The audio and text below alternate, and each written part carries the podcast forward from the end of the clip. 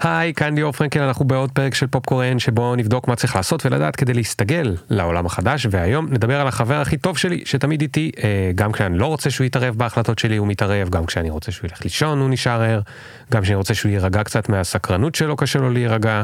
מצד שני אני גם חייב לו כנראה את רוב מה שהצלחתי אה, להשיג בחיים, אני מדבר על המוח שלי, אבל היום נדבר לא על המוח שלי, נדבר על המוח שלכם. בשנים האחרונות אה, אנחנו לומדים לא מעט דברים חדשים ומאוד מעניינים על המוח, כמו שנלמד אה, עוד מעט, חלקם אמיתיים וחלקם קצת מומצאים, אה, נפריד בין לבין. אבל הדברים האלה יכולים וראויים אולי לשנות את הדרך לא רק בה אנחנו חושבים, אלא גם הדרך בה אנחנו חיים. למשל, שניים למשל, עניין הנוירופלסטיות. מסתבר שיש יכולת למוח לשנות ולהתארגן מחדש גם בגיל מבוגר, משהו שפעם חשבו שיש רק לילדים. וזה רלוונטי לכל תחום בחיים, גם מהיכולת ללמוד דברים חדשים ועד להתאוששות מפגיעות נפשיות או פיזיות. ותחשבו, זה לא משנה רק את הדרך שבה אנחנו חושבים על, ה...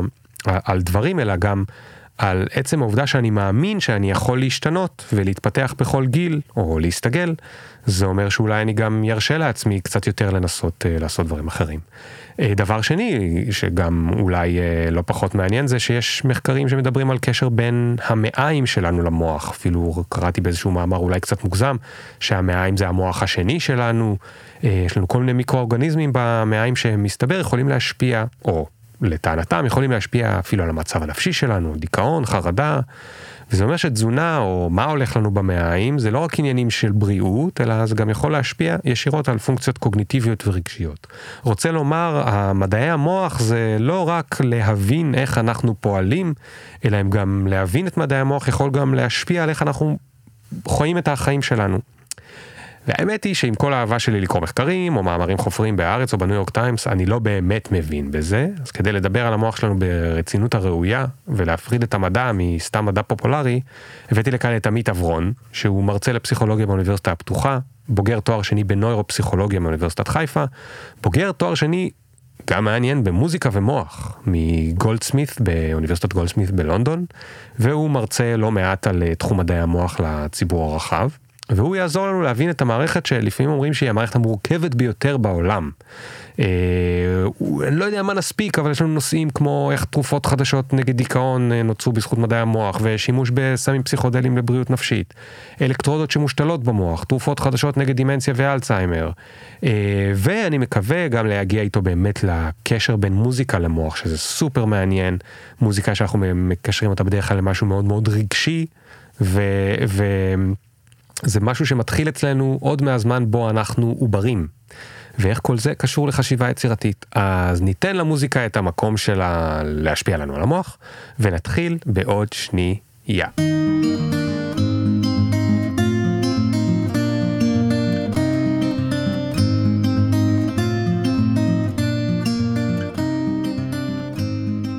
אז איך הגעתי בעצם למדעי המוח? הייתי סטודנט uh, לפסיכולוגיה באוניברסיטת בן גוריון, ופסיכולוגיה, אתה יודע, זה פרויד, מחלות נפש, uh, אינטליגנציה, זיכרון, אבל היה גם שיעור בנוירואנטומיה. נוירואנטומיה, שיעור עם שקפים על המוח, חתכים תלת-ממדיים, הכל במצגות פאורפוינט בינתיים. עד שהמורה, מרצה, פרופסורית, אומרת, טוב, מחר בערב ניפגש בפקולטה לרפואה באוניברסיטת בן גוריון.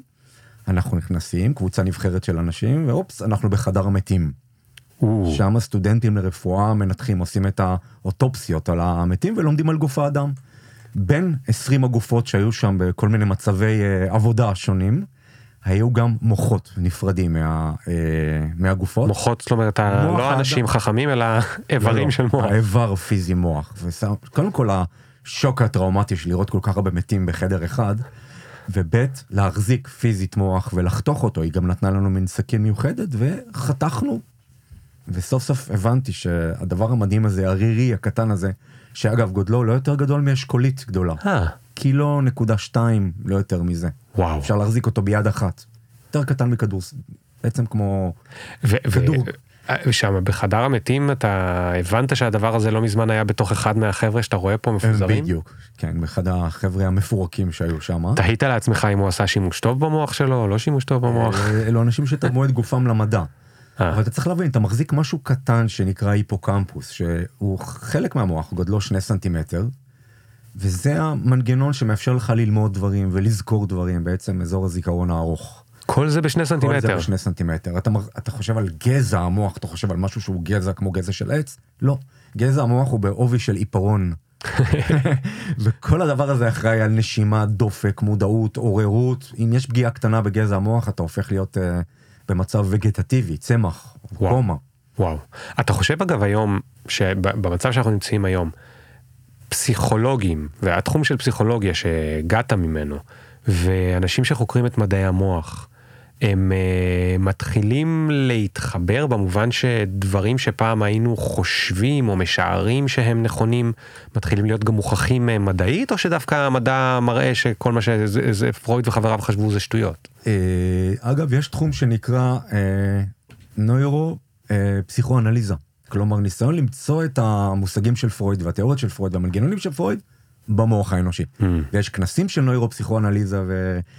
אבל אין מספיק עדיין דיאלוג בין שני התחומים. אני חושב שפסיכולוג קלני, קליני, old fashioned, אה, זה לא רק פרויד, אלא תחומים דינמיים, כן. בין אישיים, לא מספיק יודע על אה, מדעי המוח, ומדעני מוח לא תמיד אה, יש להם את ההשכלה המתאימה בפסיכולוגיה. הרבה אנשים שלומדים מדעי המוח באים מביולוגיה בכלל, או ממדעי המחשב, ולא יודעים דבר וחצי דבר על תיאוריות התפתחותיות של פיאז'ה, או תיאוריות אה, דינמיות של פרויד, או אפילו דברים בסיסיים כמו זיכרון, אינטליגנציה וכן כן. הלאה. אז יש איזשהו, בגלל ההתמחות היתרה שיש בתחומים, יש, לי אין מספיק Mm. תקשורת בין התחומים. אוקיי אוקיי אוקיי אז, אז, אז בוא נתחיל באמת מהנוירופלסטיות אני חושב שזה כן. כי, כי זה בעיניי אתה יודע אני מדבר כל הזמן על הסתגלות לעולם החדש וזה האדפטיישן זה הדבר שמעניין אותי ובעצם כשמדברים על נוירופלסטיות אז אומרים לי יופי זה לא יהיה סתם לחפור אה, למישהו על אה, בוא נשתנה ונסתגל אלא יש לנו סיכוי בכלל מה תתן לי תהיה אופטימי. אז קודם כל נוירופלסטיות ברמת ה... בוא, בוא רגע נכניס את עצמנו לפרופורציה, לסקאלה. הנוירון, שזה יחידת הבסיס של המוח שלנו, כלומר תא הצו, יש 86 מיליארד כמוהו במוח.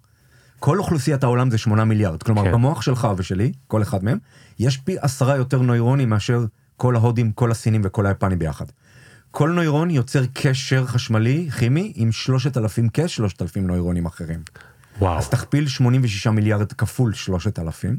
הקשר הזה הוא כימי, אז יש גם כימיקלים שונים, דופמין, סרוטונין, ו... והקשרים האלה משתנים עשרות פעמים בשנייה. וואו. כלומר, כשאתה מסתכל, עושה סנפשוט של המוח עכשיו, הוא שונה לגמרי ממה שהוא היה לפני אה, עשר שניות, ולכן נוירופלסטיות היא דרך החיים של המוח, היצירה של הקשרים, מצד אחד. מצד שני, גם ההחלשה של הקשרים, שזה בעצם שכחה, או אי למידה.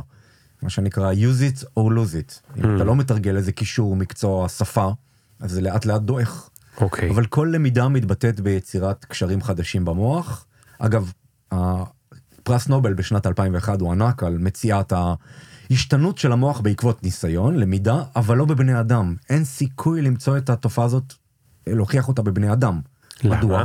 לך תמצא את הנוירון הספציפי מתוך ה-86 מיליארד במוח שהשתנה אצלך בשיעור ספרדית, שלמדת מילה חדשה בספרדית. גם אתה לא תיתן שיפתחו לך את הגולגולת בניתוח כדי לבדוק איזה נוירון היה פעיל או לא. כן. כן. אז אתה, תאמין או לא, החיה שהנוירופלסטיות נמצאה אצלה, לראשונה זה אפליזיה, חילזון ים, וואו. שיש לו רק כמה אלפי נוירונים. לימדו אותו לפחד, קשה. לימדו אותו לפחד ממשהו שהוא לא פחד ממנו לפני זה, וגילו שיש שינוי במוח בעקבות הלמידה. אז אז לפחד אנחנו אה, גם דיב- דיברנו פה באיזשהו פרק על אה, אפגנטיקה. כן. ונדמה לי שזה היה עם דוקטור ליאת יקיר והיא הסבירה שבאמת אה, אנחנו יודעים להראות שהפחד הזה אפילו יכול להשפיע על הגנטיקה בדור הבא כן. אבל אפשר ללמוד גם דברים שהם לא לפחד. אז בוודאי שכן. בוא ניקח את ה... רצית לדבר על מוזיקה ומוח. תחשוב על מקצוע המוזיקאי. כן. מקצוע מוזיקאי רציני, היכל התרבות, קונצרטים. באיזה גיל הוא התחיל ללמוד את הקשר בין תווים ללחיצות על הקלידים לבין שמיעה? בדרך כלל מתחילים בגיל מאוד צעיר, בגיל 6. כן. כמה שעות מתרגלים מדי יום מוזיקאי מקצועי? למעשה זה המקצוע שמפעיל את המוח בצורה הכי אינטנסיבית ומגיל הכי מוקדם, Hmm. שבו הנוירופלסטיות היא גדולה מאוד. כשעושים MRI על מוח של מוזיקאי יחסית ללא מוזיקאי, ממש רואים את השינויים שם. וואלה. כן.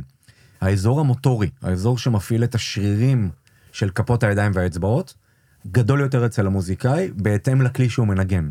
אה זאת אומרת זה לא נותן לו יכולות בשרירים אחרים זה לא שהוא. יודע מוטורית. אה, לא, זה מוטורית ספציפית במוטוריקה שהוא משתמש בה הבנתי, בנגינה. אז החלילן אצל- והכנר הם אה, שונים. אצל החלילן זה יהיה בשרירי השפתיים והלשון, אבל גם האצבעות. Hmm. אצל הכנר זה יהיה יותר יד אחת, כי היא עובדת יותר באינטנסיביות מאשר היד השנייה. אצל פסנתרן רואים את זה מה שנקרא דו צדדית. מעניין. אז שם רואים נוירופלסטיות תלוית מקצוע. זה מה שנקרא use dependent neuroplasticity. זה אוקיי. לא שאיזה פייה קטנה באה בלילה ואומרת, קח סופר מוח. זה עבודה קשה מגיל 6. כן. אה, רואים גם אצל מתמטיקאים, אזור של תלת מימד מרחב ומתמטיקה, קצת יותר מוגדל. כן. אה, רקדנים, אזור של קצב ושיווי משקל, משקל יותר מוגדל. Hmm. אז הנה לך נוירופלסטיות, אבל כמו ש... אבל, אבל תגיד, זה שיש איזשהו אזור יותר מוגדל עכשיו במוח של... ש, ש, ב, באזור ספציפי, זה לא אומר שאותו בן אדם הוא גמיש מחשבתית במקומות אחרים. זה כן אומר. Hmm, אז ד- דווקא נושא התזה שלי על מוזיקאים היה האם אינטליגנציה מוזיקלית וניסיון מוזיקלי מתבטאת באינטליגנציות אחרות. כמו למשל יכולות מתמטיות או שפתיות. כן, לפני שאתה רגע מספר את הסוף, שרמזת עליו, אבל אנחנו כן. רוצים איזה, למה אני שואל?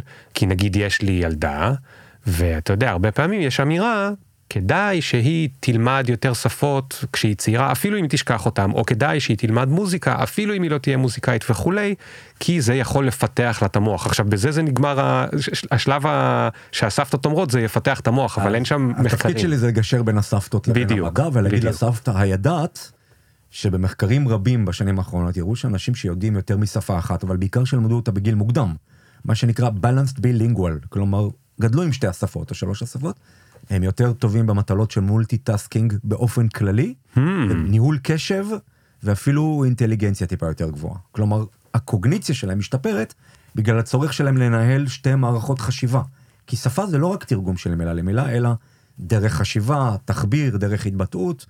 יש צורך לעשות איניביציה כלומר דיכוי של שפה אחת בזמן שאתה בוחר בשפה שאתה בוחר לדבר בה. hmm, אה, כן שפות זה טוב למוח. מעניין. אוקיי, ומוזיקה?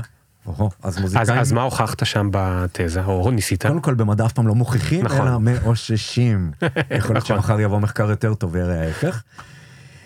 מוזיקאים טובים יותר בכל מה שקשור לשפות. שפה אבל גם תפקודי שפה מורכבים כמו אוצר מילים הבנת הנקרא תחביר.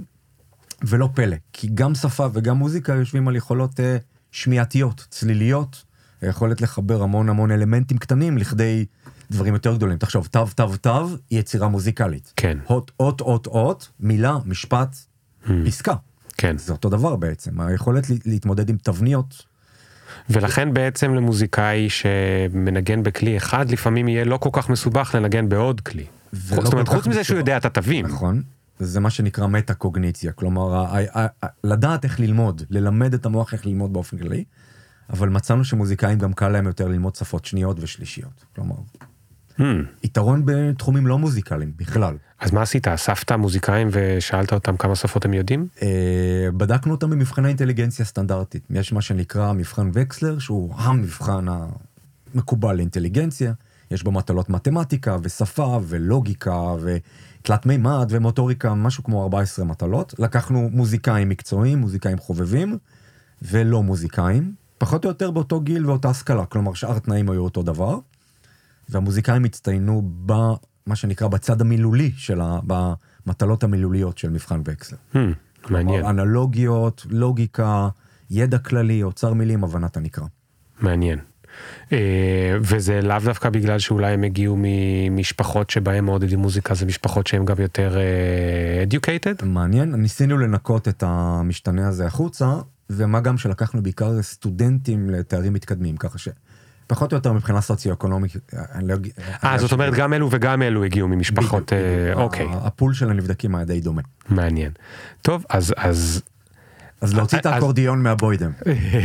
אז נוירופלסטיות זה נחמד, אבל אתה יודע, לפעמים כשציינתי קודם להבדיל את המדע ממדע פופולרי. מה זה מדע פופולרי? זה להגיד, אה, ל- ל- להגיד אנחנו יודעים אצל ילדים שככה וככה וככה, ולכן גם בגיל 70 תוכל ללמוד את כל מה שאתה רוצה. לה, לה, להוציא את המדע ממדע פופולרי זה אומר שלפעמים כשמספר, עכשיו זה ממש לא המספר, אני אומר את זה כטיזר כדי שאף אחד לא זה, כי אין לי מושג מה שאני בא ואומר, אבל מישהו יכול לה, להגיד, גילינו שבאמת אפשר לשנות את המוח, אבל אפשר לשנות 0.0001 אחוז, אז את זה שכחו להגיד לכם וזה, ובעצם לא באמת אפשר לשנות. ולכן אני רוצה לדייק עכשיו. נוירונים חדשים כמעט ולא נוצרים במוח המבוגר. זה היוצא דופן, זה היוצא מן הכלל. מה זה המבוגר? מה זה מוגדר מבוגר? נוירונים אה, חדשים כמעט לא נוצרים אחרי גיל שנה שנתיים. להפך אתה נולד עם עודף של נוירונים אוקיי. ועודף של קשרים, ואז יש תהליך שנקרא גיזום, כלומר ייעול אופטימיזציה של הקשרים במוח. אוקיי. אבל יש שני אזורים שכן נוצרים בהם נוירונים חדשים, זה הוכח במחקרים בשנים האחרונות, ואחד מהם זה ההיפוקמפוס, אותו אזור של זיכר... או יצירת זיכרון ארוך, Mm. וזה מצוין. אגב, מצאו את זה אצל מוזיקאים, אצל ספורטאים, אצל רקדנים.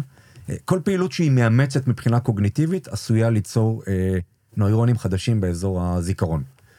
אבל לקחת את זה ולהגיד שהמוח הבן 80 הוא גמיש כמו המוח בן 10, אתה, אתה יוצא לרחוב ואתה רואה שזה לא ככה. כן. אז גרף השיפור והלמידה אצל בן 70-80 יהיה קצת יותר איטי מאשר בן 10. סבא בן 70 והנכד בן 10 מגיעים למדינה חדשה, מי ילמד לדבר קודם ויותר טוב את השפה החדשה? כן. ברור לך, נכון? כן, אבל אתה זה יודע, לא אם אומר היה פה... שהסבא לא ילמד. אם היה פה פסיכולוג, יכול להיות שהוא היה אומר זה בגלל שהסבא לא מאמין שהוא יכול ללמוד. אז בוא נוציא את הפסיכולוגים ככה מחוץ לדלת, נכון, יש כאן עניין של... אה, אבל תיקח אפילו אדם בן 40, ו- ה- האבא בן 40 וילד בן 10, ותראה שעדיין הילד בן 10 קולט כן. יותר מהר את הצלילים, את המבטא, את התחביר, באופן כמעט אינטואיטיבי. כן. אה, יש גמישות מוחית בכל גיל, היא הולכת ויורדת עם הגיל.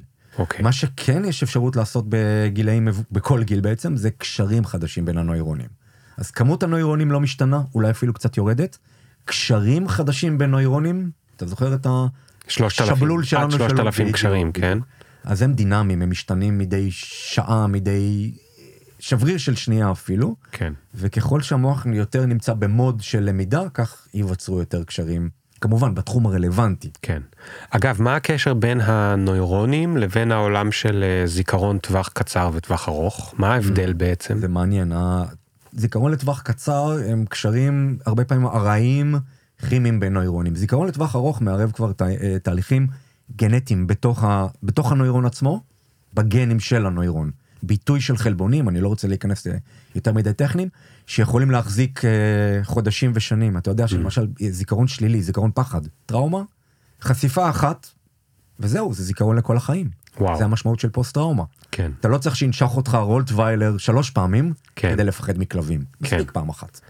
אז אני אשאל אותך שאלה ששאלתי גם את אה, ליאת יקיר כשהייתה פה, אבולוציונית, אני, אני מניח שזה מנגנון שהוא אבולוציוני, זאת אומרת, אה, אה, יש לנו איפשהו בתוך מערכת ההפעלה את העניין של אם יש משהו חדש שכדאי לפחד ממנו, נגיד פטריה שנראית ככה וככה, אסור לנגוס בה כי היא רעילה. אז צריך כדי שנשרוד, כדי שנשגשג, בעצם מספיק פעם אחת להבין שהיא רעילה ויותר הריח או הטעם או הזה, אנחנו נזכור את זה לתמיד, מצוין. נכון. אבל אז, מה ההיגיון שלי אומר? שאבולוציונית אחרי מספיק שנים כולנו היינו צריכים להיות רק אה, נוירוטים ופרנואידים. אגב זה נכון, אתה- כשאתה מחפש אזור עושר או סיפוק במוח אתה לא מוצא אותו, אבל אזור זהירות, חרדה, אה, למידה, הנה למידה שלילית, קל לראות איפה יש אה, לא מנגנונים יודעים במוח. להגיד איפה העונג מסתתר לו במוח? יש, לא נקרא לזה עונג, יש מערכת שנקראת תגמול, או מוטיבציה לרצות עוד. כן, אוקיי? אגב, זה פועל בצורה לא תקינה בסמים. סמים יכולים לא לגרום לבן אדם עונג, אבל עדיין הוא ירצה אותם. זאת יותר מערכת של wanting מאשר של liking. Mm, מעניין. אז אולי המוח שלנו בעצם לא מכוות לעונג, אלא יותר ל... לשרוד. הישרדות על ידי התרחקות מדברים מזיקים, הישרדות על ידי התקרבות וצריכה של דברים אה, יעילים לגוף, נקרא כן. לזה מזון, סקס כן, וכן הלאה. וסמים. וסמים. סמים בעצם לוקחים את המערכת הזאת ומפעילים אותה פי, לפעמים פי עשרה. אה, וואו. למשל, כשבודקים את רמות הדופמין, שזה כימיקל שעולה באזור הזה של התגמול, אה, כשנותנים לחולדה, חולדה, חיית מעבדה טיפוסית, נותנים לה אוכל, הדופמין עולה פי אחד וחצי. כשנותנים לה אמפטמינים, מת, מטאמפטמין, אמפטמין, קוקאין, אותו דופמין עולה פי עשרה, פי וואו. עשר. אז אתה לא יכול להתחרות בעינוג של הסם, יחסית לעינוג זה כאילו גירויים לעשות. האקינג למערכת הפעלה. בדיוק, זה חטיפה לנצל. או ניצול לרעה של מערכת התגמול של המוח, זה סמים.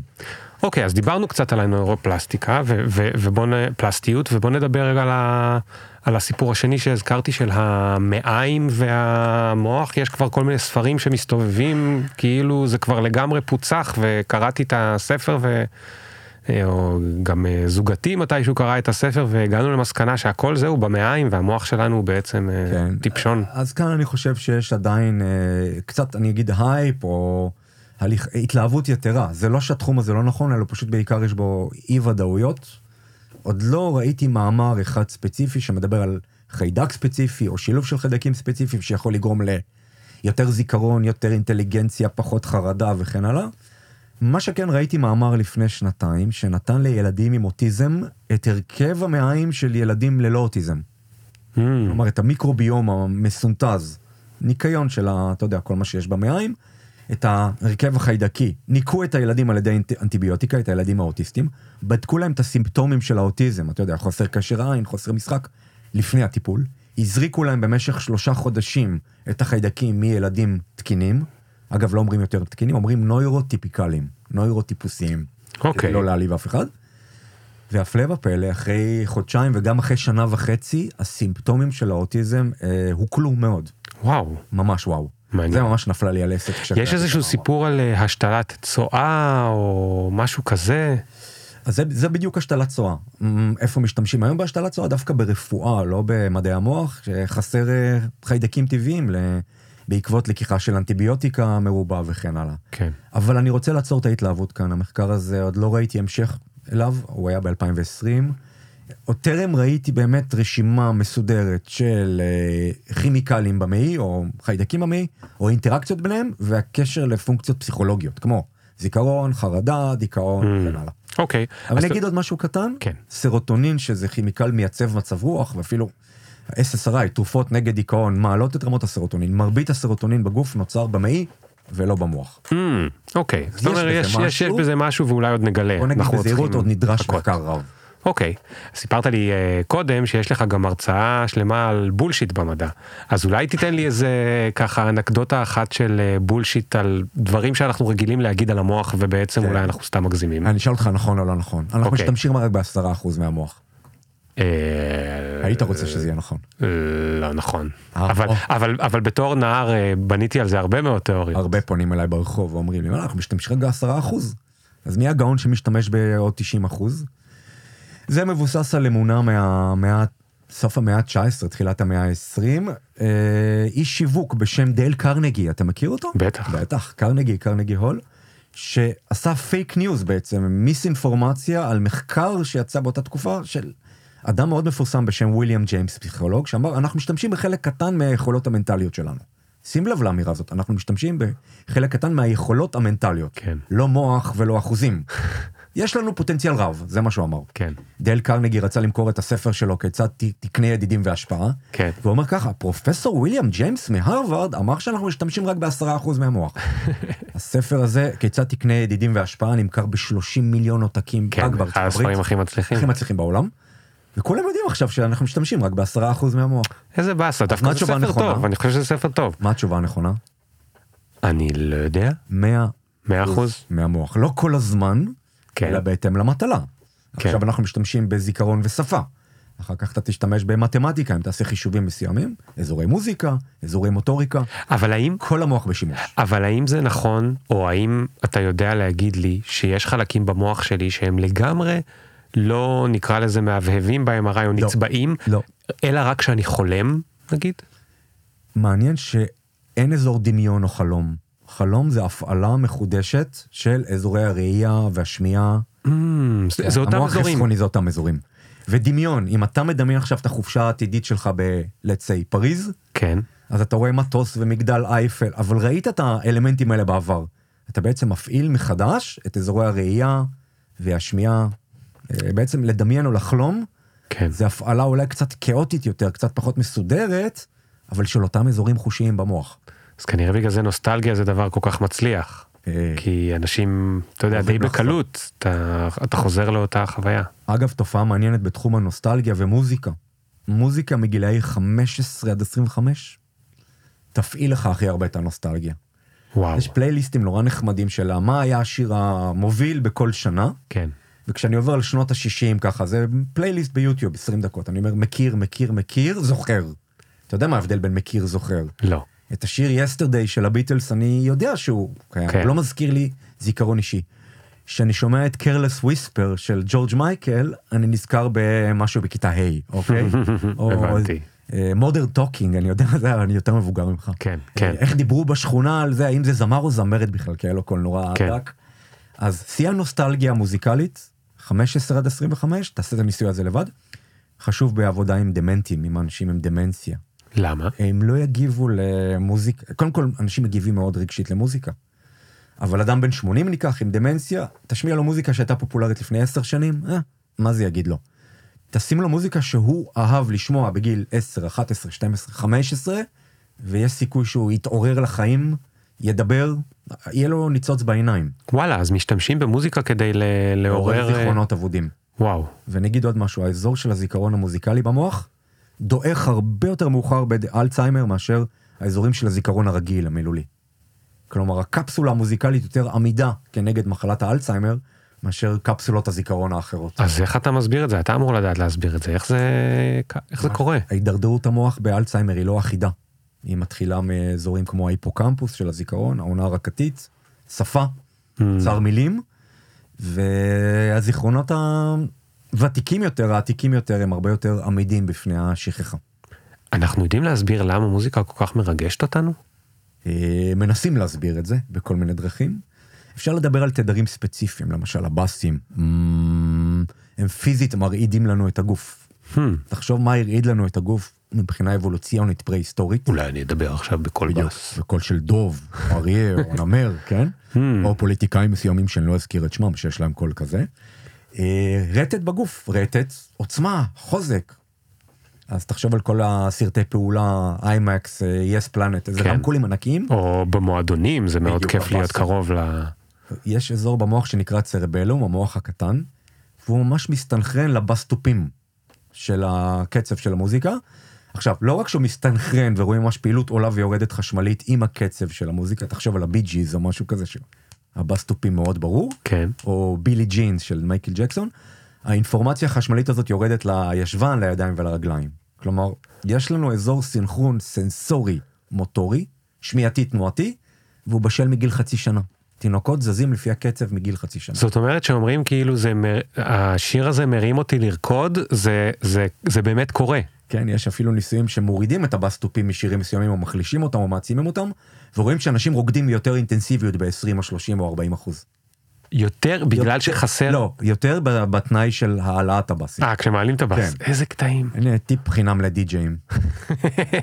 די-ג'אים גם, גם ככה אוהבים לה, לה, להרים את הבאס, לדי-ג'אים יש את השיטה שהם מעלימים את הבאס לכמה שניות, בדיוק. ואז מחסירים אותו ואין, רגע, אתה יודע, זה מצחיק, כי אני באוטו עם הבת שלי, כשיש שיר שעכשיו יש את הברידג' או משהו כזה וזה, כן. אז אני כבר, אה, אני כבר מוכן עם הריקוד ואני אומר לה, מאז שהיא קטנה, אני אומר לה, חכי, תכף ייכנס ה bass drum, ואז בום, ייכנס ה bass drum, ואני עושה את הדבר הזה. אז הנה עוד משהו שפועל במוזיקה, העניין הזה של הסיפור המוזיקלי, אמרת ברידג' או הרבה קוראים לזה C-part, או כן, חלק מגשר, יוצרים אצלך איזה חוסר כדי שהעודף יהיה יותר מורגש. בית, פזמון, בית, למה אתה מצפה עכשיו? לפזמון. למה? כי המוח שלנו בעצם הוא pattern seeker, הוא מחפש תבניות כל הזמן. כן. מלחין טוב ויודע שאתה מצפה לפזמון עכשיו, אז הוא יכניס ברידג'. הוא. או הוא, שקט. הוא, הוא, הוא משהה את זה, כאילו הוא יחכה שאני... בציפיות שלך, המוח שלנו מייצר ציפיות במוזיקה מהשנייה הראשונה. אגב, יש שיר של עדן בן זקן, שאמור להגיע פזמון, ואז מה היא אומרת? אין פזמון, תרקדו. כן, כן. אה, השיר של נטע ברזילי לאירוויזיון. אתה מצפה שיתחיל באיזה בית, פזמון, גיטרה, פסנתר, משהו, לא, מתחיל בקולות מאוד מוזרים, מה שיוצר אה, כאוס. אה, בעצם המוח שלנו פותר חידות, מחפש תבניות, אה, אוהב של- עלילה. המוח שלי מחפש את ה pattern הזה בתוך השיר הספציפי הזה, או שהוא מחפש את זה לגבי כל המוזיקה שהוא הכיר עד היום? אז זהו, זה קורה בשני לבלים לפחות. א', במוזיקה הזאת, וב', אתה אומר לעצמך, אה, נו, זה בלדת רוק אנד רול, אה, זה בלוז, אה, זה אני ג'אז, מסווג. בדיוק, ואז יש לך כבר ציפיות שקשורות לז'אנר, נכון? בג'אז יהיה אלתור ארוך. כן. ברוק אנד רול יהיה מתישהו סולו גיטרה. כן. נכון? כן. ב... אני יודע מה, במוזיקה קלאסית חייב להיות אה, נושא ווריאציה. אז יש ציפיות גם ברמת המקרו, וגם ברמת המיקרו. כן. שיהיה חרוז למשל. כן.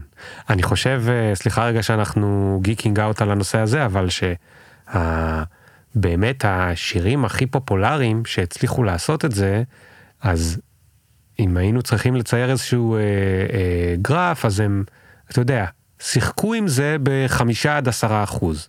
כן. כשלקחו את זה כבר יותר מדי, כמו ב progressive rock או משהו כזה, אוי, אז כמה שאני אוהב progressive. נשארו רק האנשים המאוד מאוד סבלניים, האנשים, האנשים כן. ש, שיש להם פחות סבלנות, או, או פחות Mm-hmm. גיקינגי על המוזיקה, הם לא יכולים שיותר מדי ישחקו להם בדברים. אז בוא נספר, בוא נחבר את זה לפסיכולוגיה, אתה אוהב את החיבורים האלה לפסיכולוגיה. יש תכונת אישיות, אחת מהחמש הבסיסיות של האישיות, שנקראת openness to experience. פתיחות לחוויה, אהבת עמימות, אה, אה, אה, אה, יכולת לסבול אי סדר, כאוטיות, לא שחור ולבן, הפוך מ-openness to experience זה שמרנות, מסגרתיות, אה, כן. בית פזמון, בית. פזמון. אז אה, אנשים מדורגים שונה על התכונה הזאת, openness to experience. ככל שאתה יותר, וזה גם אגב אחד המחקרים שהייתי מעורב בו, בגולדסמיץ בלונדון, ככל שהאדם יותר גבוה ב-openness to experience, אהבת אה, חדשנות, עמימות, אי ודאות, כך הוא יותר ילך לז'אנרים כמו ג'אז. progressive rock, ג'אז. אגב, גם בתוך ג'אז יש, אתה יודע, לואי אמסטרונג, אה, כן. בסדר, חביב. כן. אבל אה, ג'ון קולטריין או צ'רלי פארקר או דברים יותר מוזרים אפילו, זה לא לכל אחד. כן, אה, אנשים שהם יותר נמוכים ב-openness to experience, אז אה, כן, שוב, אני לא רוצה לדרג גבוה או נמוך, אלא פשוט להראות שאין מוזיקה אחת נכונה, אלא בהתאם ל... נקרא לזה לאישיות שלך.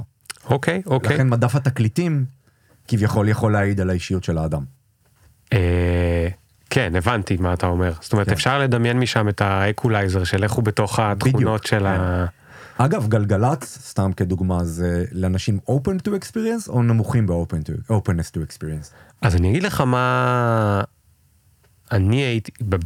לפני מיליון שנה, לא יודע מתי שמענו גלגלצ ולא פודקאסטים, אבל כשהיינו שומעים פעם, אז מה שהיה, מה, מה שהייתי שם לב שם זה שהם, יש להם, כמו החמש עד עשר אחוז שאמרתי, היה יחס כזה של איקס שירים שאני כבר מכיר, ורק אחריו מגיע שיר, זאת אומרת, שיר עם תעוזה, שאולי לא כן. תכיר, וככה היו מכניסים לי דברים חדשים כאילו למה שהייתי רגיל. כן, אני- הדעה שלי השתנתה לגבי תחנות כמו גלגלצ, תמיד חשבתי, אה, נו, פופ שטחי, שלוש דקות, מה, מה. אבל כמות השירים החדשים, ה-experience, ה-openness to experience, הכמות האינפורמציה החדשה שאתה צריך לשמוע, היא מאוד גבוהה יחסית לתחנות כמו 88 FM, ששם אתה שומע את הקלאסיקות הישנות, כן. המקורות והטובות, שאולי הן יותר מורכבות פר יצירה, אבל זה אותו דבר. כן. זה more of the same. כן. בגלגלצ יש אלמנט אדיר של חדשנות. אבל גם אז הם היו עושים רפטטיבי, זאת- הפלייליסט של גלגלצ זה נכון. כאילו אנחנו אנחנו מכניסים לך את זה ותדע שאתה הולך להיות עם השיר הזה. אבל חודש, חודשיים, לא יותר מזה. Mm. אגב, אני רוצה להגיד משהו עצוב על הגיל ועל ה-openness to experience, ואתה בטח, תשלים אותי, אתה בטח יודע. אה, הוא כנראה יורד עם ה... כן. ככל שאני... אני אגיד את זה בצורה ביקורתית אה, על עצמי ועלינו, ככל שאני לפחות חי בסרט שאני כבר הבנתי איך החיים האלה אמורים להיראות. במקום, אה, תספר לי משהו חדש, בוא אני אספר לך, כן, אני כבר יודע. כן, אני כבר הבנתי הכל. אז באמת את ה... איך נקרא לזה? את ה... פס כל חייך, אני חושב שפסקולי בודד, הצבת עד גילאי 20 וגג אולי 30 וקצת, וצריך כל הזמן להיות על המשמר, צריך בכוח, אה, כן, הנה עכשיו כן. אני עושה איזשהו אה, קורס על ג'אז. פשוט לקחתי ספר והתחלתי לשמוע דברים שלא מכיר כדי Mm. לעורר מחדש את ה... איך אתה מרגיש אגב עם ספוטיפיי אפרופו? אתה בספוטיפיי? וואו, אני אז מה אתה. אתה, אתה לא מקשיב לו? אני מכין לי על עצמי פלייליסטים קבועים ולא לא אוהב חידושים Mm. שמציעים לי. הבנתי, מעניין. אבל אם זה מסודר כמו קורס על ג'אז או קורס על מוזיקה קלאסית אני בכיף. כי, כי ספוטיפיי אני חושב שעושה עבודה די מעניינת, לא תמיד טובה, אבל היא משתפרת עם הזמן, של אה, גם לתת לך אחוז שירים שאתה כבר מכיר ושמעת, עם כמה שירים, אם הם עושים לך את המיקסים, מדי פעם שירים חדשים, כזה כמו גלגלצ, מכניסים לך לאט לאט אה, זה, ובעיקרון הם יכולים לחשוף אותך למקומות חדשים לגמרי. אבל אם אתה מתמיד לאורך זמן, אתה מגלה שבסוף גם הם, זה כמו כל הרשתות החברתיות, יש איזושהי בועה. כן. שאתה בא לחברים אחרים ופתאום יש איזשהו שיר וכולם חושבים שהם נורא מיוחדים ואף אחד לא מכיר את השיר הזה ואתה מגלה שספוטיפיי שם את זה לכולם בבת כן. אחת. לפי החתך, אני חושב שהם עובדים עם חתכים של גילאים, מין, אה, סטטוס סוציו-אקונומי. אפילו. יכול להיות. דבר אחרון אני רוצה להגיד על מוזיקה זה הצמרמורת המוזיקלית שיש להרבה אנשים, או אור ברווז מוזיקלי, כן, וזה לא רק מטאפורה, זה שינויים גופניים. ברגע השיא המוזיקלי, כמו שאתה אומר לבת שלך באוטו, יש עלייה בדופק, עלייה בלחץ דם, עלייה בקצב הנשימה וירידה בטמפרטורה של חצי מעלה. וואו. מה שגורם לצמר... לאור ברווז הזה שיש כן. הרבה, אתה יודע. ברגעי שיא, תחשוב, אה, מסיבת טראנס, אתה יודע, ברגע השיא של המוזיקה. אז אתה יודע מה בוא נמשיך רגע עם הדימוי של האוטו כי מה שקורה באוטו זה שאני ואנחנו כמשפחה באוטו אוהבים לשיר בקולי קולות ול...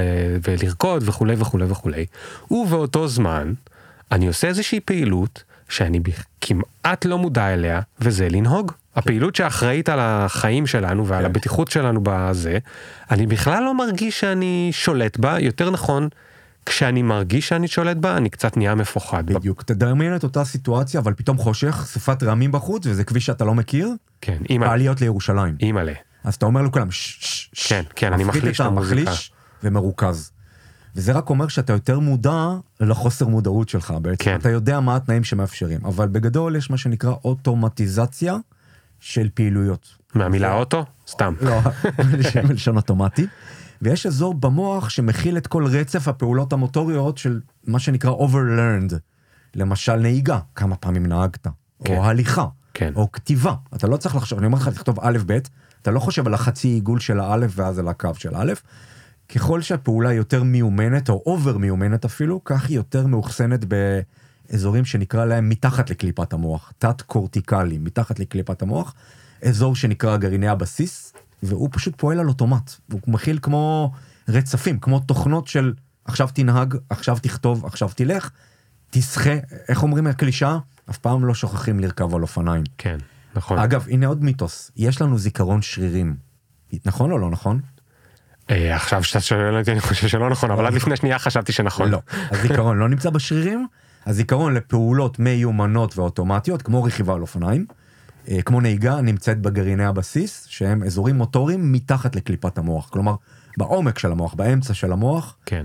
אבל אנחנו תמיד מודעים, אתה לא נוהג באפס מודעות, אתה נוהג ב-X מודעות, שכאשר תנאי השטח משתנים, תנאי הנהיגה משתנים, אתה אומר, "שש, עכשיו אני מעביר יותר קשב ל... כן. או אם חס וחלילה תהיה בלימת פתע. בדיוק. כאילו אני לא יודע אולי כדאי שיוציאו לנו את הרדיו מהמכוניות. חברת ביטוח בריטית עשתה סקר, מי הם הנהגים הכי זהירים? מה הם שומעים ב... ברדיו? ומסתבר, ת, תן לי ז'אנר מוזיקלי של אה, אנשים הכי זהירים. אני מניח בלי להעליב רגע כנראה פופ. פופ. ארבעה רבעים, כי הוא לא אה, מונוטוני, לא זה. אז התשובה היא שקט. אז זה נכון, זה נראה לך כאילו הרדיו, פודקאסט או אה, ספוטיפיי לא פוגעים לך בנהיגה כי היא אוטומטית, אבל בסימולטורים, בסימולטורים שעושים סימולציה של נהיגה מור- בתנאים מורכבים, רואים שמוזיקה כן מסיחה את הדעת. אני עכשיו מבין למה, תשמע, נהגתי מיליון פעמים, אבל תאונות, טפו טפו טפו עשיתי אפס, אז נכון. כשתגיע את- משהו, פוטנציאל של- לתאונה, בדיוק. על זה אני לא מאומן, שהגורילה פורצת לך לכביש פתאום, כן. שני הגורים שלו או משהו. בזה אני לא אגב, מאומן. מה שמביא אותנו לעוד מיתוס, האם יש דבר כזה multitasking? האם אתה יכול לעשות פעולות, פעילות א' ופעילות ב' בצורה אופטימלית, במקביל? אז זה אני מעולמות ניהול הזמן, אני לפחות לכאורה למדתי שלא. לא. אז אה, גם התשובה המדעית היא לא. ורואים את זה אפילו בצריכה האנרגטית של המוח, בודקים את זה ב-FMRI, אה, מטלה ויזואלית אחת, למשל חיפוש של אה, אותות על המסך, כמו פאזל או משהו כזה. אם יש במקביל מטלה נוספת שמסיחה את הדעת, אפילו אם היא טיפשית, כמו, לא יודע, לבחור אם האור כחול או ירוק, או ללחוץ על דוושה כן או לא, רואים איך, ה- איך הדם בעצם בורח מהאזור של המטלה המרכזית, המטלה הוויזואלית, והולך לאזורים אחרים במוח. אז מה זה אנשים שאומרים והם באמת משוכנעים אומרים אני יותר טוב ב multitasking מה הכוונה הם קופצים מאוד מהר, אה, נניח אה, ממטלה למטלה. הם לא מודעים לקפיצות האלה, אבל בזמן שהם עושים מטלה א', הם לא נמצאים במודעות שלהם במטלה ב'.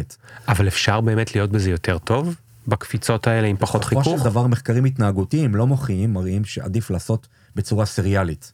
לגמור את מטלה א', לגמור את האימיילים, לקרוא את המאמר, כן. ולא בגלל ה context switching. בדיוק. וגם ה context switching הוא מקשה מאוד על העדכון מחדש של המטרות כן. והידע. מה כן יש התקדמויות בתחום השתלים המוחיים? לפני שנה וחצי הושתל שתל באזור העונג והתגמול של מכור לסמים, וההתמכרות לסמים נעלמה. זה צ'יפ שמשבש חשמלית את אזור התגמול במוח. והבן אדם מג'אנקי ברחוב הפך להיות אדם מתפקד תוך מספר חודשים. רגע, אבל הוא היום יכול ליהנות מקולה? מצוין, או שזה, כמו ב. או שזה כמו בטיפולים כימותרפיים בסרטן שפשוט הכל. דפקו לו את כל העונג. כן, אבל ה trade-off הוא מובן, אז יש ירידה כללית בהנאה, אבל הסמים כבר, אתה יודע, שמים אותו בתוך MRI, מראים לו תמונה של מזרק עם הרואין, והוא לא משתוקק לו. מדהים. אז זה צ'יפ אחד, צ'יפ באזור ההתמכרות או התגמול. אבל רגע, שוב, רק כדי לזה, אז באמת, זה, זה אמיתי. ענן מסביב לכל אזור העונג, בגלל שקשה לדעת איפה הוא בדיוק. דווקא אזור העונג ספציפית הוא די מתוחם, מדובר על חצי סנטימטר מעוקב. נכון, אבל לא יכולים להגיד בתוך החצי סנטימטר הזה, זה קשור לסמים וזה קשור להנאה מסקס. מבחינת המוח זה אותו דבר, זה אותו מטבע משותפת, דופמין, אוקיי. מסלולים ש... אז, אז, אז מה שאני מתכוון זה שחסמו לו את כל הדופמין מכל דבר. לומר, אבל לא לגמרי. אוקיי. שיבוש חלקי. אז זה יש, אחד. שתיים, שתל בתוך אזור הראייה הראשי, שהוא נמצא בעורף בעונה העורפית, של עיוורים. עיוורים מלידה. מפעילים להם נוירונים ספציפיים בתוך אזור הראייה, והם רואים. עכשיו, הם לא רואים תלת מימד, ולא צבע, ולא תנועה, אבל הם רואים פסים אה, בשחור לבן. אז אם לא אתה. מקרין... אוקיי. הם אתה רואים- מפעיל הם ממש אזור רואים. הם ממש רואים, בלי עיניים. כי אתה לא רואה דרך העיניים. רגע, מה זה בלי עיניים? הם רואים כשהעיניים עיניים. שלהם עצומות? הם עיוורים מלידה. מעולם לא יהיה להם עיניים. רגע, עיוור מלידה זה אומר שאין עיניים או עיוור מלידה זה אומר שהעיניים לא מחוברות לא. למוח? הרשתית אה, לא הרשתית פועלת. לא פועלת, אין אוקיי, אינפורמציה של קרני אור שעוברת דרך העין לרשתית. אוקיי. אבל מי לוקח את האינפורמציה מהרשתית אם לא המוח, אזור הראייה הראשי? אם נכנסים עם אלקטרודות לתוך אזור הראייה הראשי, ומפעילים אותו בצורה ממש הייתי אומר טופוגרפית, משמאל למעלה לימין למטה, ואז מימין למעלה לשמאל למטה, אתה תראה את האות X, וואו, שני אלכסונים, וואו. בלי היה- העיניים. היה בדיוק אה, סרט של, אה, נדמה לי שווס אנדרסון, שורט פילם בנטפליקס, לפני כמה ימים ראיתי. אה, סיפור מעניין על מישהו שמספר על מישהו וזה שהוא, הוא למד לראות, הוא כאילו שם בסיפור זה מאיזשהו נזיר בודהיסטי, הוא למד לראות כשהעיניים שלו סגורות. והוא בא והוא אומר לדוקטורים, תכסו לי את העיניים, ככה אני אוכיח, כי הוא באיזשהו קרקס, אני אוכיח, ובגלל שזה דוקטורים, אני אוכיח לכולם שאני מצליח לראות בלי הזה. מעניין מאוד מה שאתה אומר, אה, אולי אפשר לש... באמצעות חוש שמיעה לראות ראייה אצל עיוורים מלידה. כן. אני מדבר פה על גירוי ישיר של אזור הראייה במוח כדי ממש לצייר צורות בתוך המוח. איזה מטורף. אז אפשר תחשוב על מצלמה שמצלמת טקסט עכשיו מולנו כתוב נגיד גוגל סטארט-אפס. כן. אבל זה G זה אייקון נכון? כן. O זה אייקון זה כן, עיגול. כן. ו-I זה קו עם נקודה קטנה. ואתה פשוט מפעיל את הנוירונים הנכונים באזור הראייה במוח. ובן אדם אומר אני קורא Google Startups. כן. אות אחר אות אחר אות. אני יכול גם לשים לו את הכתב ברייל, זאת אומרת את הנקודות של זה הכתב יותר ברייל. פשוט, כן? אני מדבר פה על שתלים מוחיים. אגב, זה שאנחנו רואים בלי לא, עיניים... התכוונתי לשדר אה, לו את הכתב ברייל זה במקום לשדר לו את זה ה G. די דומה. אוקיי. אה, זה שאנחנו רואים בלי עיניים, זה לא צריך להפתיע אותך. מה זה חלום? העיניים שלך עצומות בחלום, נכון. ואתה רואה דברים. נכון. מה זה סמים פסיכדליים? בעיניים עצומות אתה רואה דברים? כן. הראייה מתבצעת במוח, לא בעיניים. העיניים רק צינור אחד מרכזי להכנסת אינפורמציה לאזור הראייה במוח. אז מה זה שמו להם שתל? איפה, מח- כאילו, מה... אוקיי, אני אגיד משהו על אזור חותכים הראייה הראשי. ו- חותכים, כן. מנסרים את הגולגולת אם אתה רוצה. כן, כן, כן? כן, אין ברירה, אין דרך אחרת. כי הגולגולת במלואה שומרת על המוח? זאת אומרת, זה- לגמרי. זה זה זה העצם קסדה שלמה. והכי... קסדה שלמה, אוקיי. קסדה. מתחת לקסדה הזאת יש אה, עוד שלושה קרומים קשים מאוד, ממש אה, קש- נוקשים.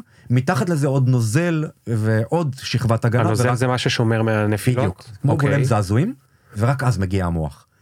אזור הראייה במוח הוא טופוגרפי. מה שנמצא בימין במוח מייצג את צד שמאל בעולם, ומה שנמצא למעלה במוח מייצג את מה שקורה למטה בעולם. יש לו ממש מבנה דו-ממדי, כמו מסך פנימי. כן. אז על המסך הפנימי הזה לא אתה יכול להפעיל- מנסרים ממש את כל השכבות שאמרת? כל שתל, כולל של אילון מאסק, כרוך בו ניסור של חלונית בתוך המוח, עצם והכל, קרומים, והשתלת האלקטרודות בתוך המוח. אפשר לשאול אחרי שהם משתילים כן, זה נשאר שם לכל החיים. כן, אבל איך סוגרים את כל השכבות האלה? אה, כשאתה גוזר את החתיכה הזאת, אתה פשוט מחזיר אותה והעצם אה, מתאחה. וואו! כן. זאת אומרת היא מתאחה ועכשיו השתל, ואם יש באג, אז צריך לנסר מחדש. כן. לא, אני, צוחק פשוט יכול להיות שעוד חמש שנים יהיה לנו כל מיני שתלים של כל מיני דברים על מה עוד אז רגע, אז אמר- מדברים דיברנו על עיוורים, דיברנו על... אה, אה, וואי, מה דיברנו לפני כן? הופה, היפוקמפוס שלי לא פועל. אני לא יודע כבר כן. דיברנו על הכל. בוא נדבר אה, על... על אה, אה, אה, נגד התמכרות. כן נגד התמכרות. ושתל קבוע נגד דיכאון. אז כמובן שבדיכאון מטפלים קודם כל בפסיכותרפיה, בתרופות אה, נוגדות דיכאון, אבל אם כל זה לא עובד והבן אדם דיכאוני ומועד להתאבדות, יש כבר 12 איש בארצות הברית שיש להם אלקטרודה קבועה בשני אזורים במוח.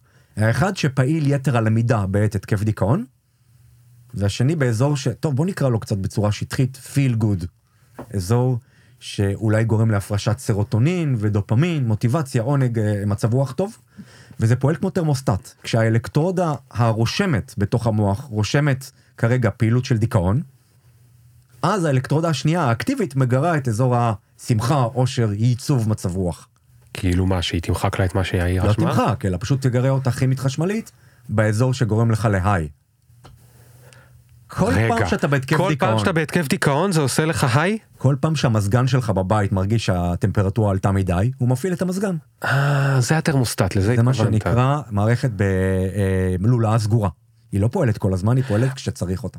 אבל אתה יודע זה מזכיר הרי הרבה מהטענות נגד אה, אה, תרופות נוגדות דיכאון זה שהרבה מהמטופלים אומרים אני נהייתי נאמב אני כבר לא מרגיש כלום. כי הורידו לי את הדיכאון הורידו לי גם את הזה ואני בסוף באיזשהו נאמב כן. הפידבק לופ שהרגע תיארת אמ, טווח הרגשות הצטמצם, מה שנקרא. כן אז שם לא, שם דווקא החולים האלה מדווחים על, קודם כל יציאה מדיכאון אובדני, התאבדותי. כן קודם כל זה הצלת חיים זה הצלת חיים, נכון דבר ראשון. דבר שני, זה פועל רק בעת הצורך, ולא 24 שעות כמו התרופות האלו, יש הרבה פחות תופעות לוואי. המינוס הוא כמובן חדירה לתוך המוח, עוד פעם, עם כל הניסור הזה שתיארנו עכשיו, כן ושתל קבוע, אבל בינתיים אין תופעות לוואי, זה כבר פועל שנתיים על משהו כמו 20 מטופלים, ואין תופעות לוואי. אה, עוד כמה שנים אישור FDA, וסל התרופות יכיל שתל לטיפול בדיכאון. יצא יש לך לראות דיכאון, את אה, יצא לך לראות את Painkiller בנטפליקס זה על ה- על התרופות ה- האופיאטיות. האופיאטיות כן עכשיו למה אני שואל את זה? כי הרגע אמרת אישור FDA ואתה מדבר על זה ככה בזה ואנחנו יודעים מנטפליקס שלא כל מה שמאושר על ידי ה-FDA, זה כן לא כל מה שמאושר על ידי FDA עושה אותך מאושר כן. אה, בסדר, זה, אתה יודע, יש גם מה שנקרא stage 4 במחקרים קליניים, שזה בטיחות ויעילות לאורך זמן. כן אז אם יגלו שהדבר הזה מביא יותר נזק מאשר תועלת, יפסיקו את זה. כן אבל אם הייתי אומר לך לפני 20 שנה, שתוכל לחדור לתוך המוח האנושי ולהחזיר ראייה לעיוורים, להפסיק התמכרות אצל מתמכרים, ל- לתת אה, מצב רוח טוב למדוכאים, כן זה לא מדע בדיוני, אלו דברים אז אתה שבשלבים... יודע מה עכשיו אני רוצה לשאול אותך בתור מי שגם למד פסיכולוגיה וגם נוירו. אה, אה, אתה חושב שבמקומות האלה שבהם יושבים אנשים ובסוף, סליחה שאני אומר את זה ככה, אבל בסוף הם יודעים שזה יעשה להם כסף. כי זה מה שמניע בסופו של דבר ייצור תרופות. לא? אני, עשית אני עושה פרצוף. פרצוף, כי אוקיי, אנשים אותי. את הדברים האלה הם באוניברסיטאות, הם לא מסונפים לשום חברה. האנשים שעשו את השתל לעיוורים ואנשים שעשו את השתל למתמכרים, לא עובדים אצל אף אחד חוץ מאשר באוניברסיטה. אוקיי, אתה יודע לא- מה? אז בוא זה לא נתחיל שם. פותח על ידי חברות יופי, מסחריות. יופי. אבל כלומר, תכף. המטרה שלהם היא אמיתית, לשפר את החיים שלנו. מאה אחוז, אבל עכשיו מישהו לוקח ואנחנו יודעים מה זה בפיתוח מוצר. יש לך הרבה מאוד החלטות קטנות שאתה צריך לעשות ובזה לא לתמוך ובזה כן לתמוך ויכול להיות ש-30 אחוז יותר זול אם אני לא שם את הפיצ'ר הקטן הזה שבסוף הוא יודע לעשות את זה חלק מהיום ויותר זול נגיד שזה ירוץ כל היום, לא יודע, דברים קורים בפיתוח מוצר. האם במקומות האלה לדעתך יש או ראוי שיהיו גם אה, אה, פסיכולוגים ולא רק אה, מדענים ממדעי המוח או, או ההפך? קודם כל, אמות מידה של מוצר שמצליח הן פסיכולוגיות. למשל, את ההתמכרות של אותו מכור לא מדדים דרך המוח, אלא שואלים אותו. כמה פעמים ביום אתה חושב על uh, סמים? האם הלכת לדילר שלך בשבוע? מדדים פסיכולוגיים, זה אחד. דבר שני, זה מכניס אותי דווקא, אני רוצה לדבר דקה על נושא שנקרא נוירואתיקה. זה תחום חדש במדעי המוח. שתפס תאוצה בחמש שנים האחרונות. אין אותו כל כך בארץ, בארצות הברית כבר יש אה, אפילו תוכנית לימודים בנוירואתיקה וג'ורנל בנוירו... וזה באמת לא רק מה עובד במוח, אלא מה כדאי, מה נכון, מה מוסרי לעשות במדעי המוח, ולדעתי בכל מוצר כזה צריך שיהיה נוירואתיקן, כן. שיגיד מה, אוקיי, זה ימכור, זה יעיל, אבל מה התופעות לוואי של זה. מדהים. למשל במקרה של האופיאטים, אבל נוירואתיקה, תחום ששווה למאזינים לקרוא עליו ולהתעניין, יש לי גם הרצאה בתחום נוירואתיקה. וואלה. למשל ריטלין, תרופה טובה או לא טובה? לאנשים עם בעיית קשב וריכוז אמיתי. בעיקרון טובה, עכשיו, אוקיי, קח אה, אדם ש... לפחות לתלמידים. סבבה. זה מה שהם קח. אנשים שאין להם הפרעת קשב וריכוז. סטודנטים, ואני מלמד הרבה סטודנטים. כן. אין להם הפרעת קשב, יש להם יכולת להתרכז טובה. כן. אבל הם לוקחים ריטלין שבוע, שבועיים לפני מבחן ובמבחן. זה משפיע עליהם או לא? לא יודע. כן. זה משפיע. יש להם סופר קשב וסופר חדות כן, וסופר למידה, כן. ואז כבר מתחילות להיות שאלות אתיות. אין להם בעיית קשב, והם יוצרים לעצמם סופר מוח במובן מסוים. מהמם. אולי זה קצת כמו אתלט שלוקח לפני ריצת 100 מטר אה, חומר ממריץ. נכון. או מדברים על זה שבתחום השתלים לא במוח אלא שתלים בזה יהיה בסופו של דבר שתי אולימפיאדות אולימפיאדה אחת של אנשים רגילים ואולימפיאדה אחת עם כל מיני סייבורג. שתלים וסייבורגים עם כל מיני עצמות יותר חזקות וסחוס יותר משוכלל ו... אבל עולם השתלים הוא מדהים והוא מתקדם, עיוורים, חרשים. אגב, שתל אה, תוך שבלולי באוזן כבר קיים 25 שנה, 20 שנה. לשיפור השמיעה. להחלפת השמיעה, למעשה זה חרשים מלידה. Mm. כן. איזה עוד אה, שתלים הולכים להיות במוח שמדברים עליהם או ש... תראה, הדאגה הגדולה של כולם, כל מי שעובר את גיל 50 בעצם, זה, זה, זה דמנציה, הזדקנות המוח וזיכרון. אה, פה דווקא נמצא שגירוי חיצוני, בלי חדירה לגולגולת, אלא גירוי חשמלי חיצוני יכול לשפר, אפילו בטווח הארוך, למידה וזיכרון. Hmm. אז אני לא אתפלא עם קליניקות לשיפור זיכרון. מה זה גירוי חיצוני תרופה? אה, לא, חשמל. חשמל. חשמל אה, במתח משתנה או מתח קבוע. אלקטרודות שמוצמדות לקרקפת ומעבירות חשמל. בזרם לא חזק במיוחד, חצי מילי אמפר, מילי אמפר אחד. כבר יש קסדות כאלה בשוק. כן. קסדת למידה. וואלה. עכשיו, מכיוון שזה לא חודרני וזה לא תרופה, לא צריך אישור FDA אה, נוקשה מדי. אז רגע. סליחה שאני אומר, אבל אולי פנים? מקשיבים לנו סטודנטים, אולי גם הם רוצים כמו עם הרטלין לשפר את הלמידה שלהם אפילו שאין להם דימנציה. אז שוב, אני לא רוצה לא להמליץ ולא לשלול, אני רק מצייר את המצב כפי שהוא. קסדות שנקראות TDCS, Transcranial Direct Current Stimulation, כלומר, אה, גירוי חשמלי חוצה גולגולת מבחוץ פנימה, לא חודרני, לא נמצאו תופעות לוואי רציניות, לא משהו רציני חוץ מדגדוג אולי, אה, משפרות למידה וזיכרון. כן. צריך ללמוד, כן? אבל הלמידה נשארת יותר זמן. יש אה, היסטוריה די ארוכה של אה, חשמולים לבני אדם לכל מיני דברים שחשבו בזמנו שהם טובים. הם טובים. אגב, החשמול הזה שקיבל יחסי ציבור כל כך גרועים בסרטים כמו קן הקוקייה, מה שנקרא ECT, Electroconvulsive Therapy, טיפול בנזע חשמלי, פרכוס, שוק כן. חשמלי, כן. עד היום משתמשים בו בתי חולים פסיכיאטרים, היום ב-2023, והוא במקרים קיצוניים של דיכאון שלא מגיב לתרופות, הוא יותר טוב מתרופות. וואו. איך, איך יש זה את עובד? הטיפול הזה. איך זה עובד? לא בדיוק יודעים איך זה לא עובד. יודעים, אה? לא יודעים. זה גורם זה לפרכוס, מטורף. כלומר, התקף חשמלי דמוי אפילפטי במוח. כנראה שבטווח הארוך נפלטים יותר מהכימיקלים שהם בחוסר בדיכאון, כמו למשל אדרנלין ונואדרנלין, אה, דופמין וסרוטונין. אתה יודע, כשמדברים על זה שוב, אני חוזר רגע למדע פופולרי נקרא לזה, המדע שהוא בהדיבור אבל שאף אחד לא באמת אה, שם לפעמים footnotes כדי לדעת אם זה נכון או לא. אז אה, מתייחסים לחשמול כמו הם אומרים הוא יעשה לך ריסטארט פשטני מדי. פשטני מדי, פשטני ו- מדי. ו- וגם נוירונים בעצם עובדים כמו קצת כמו חשמל לא?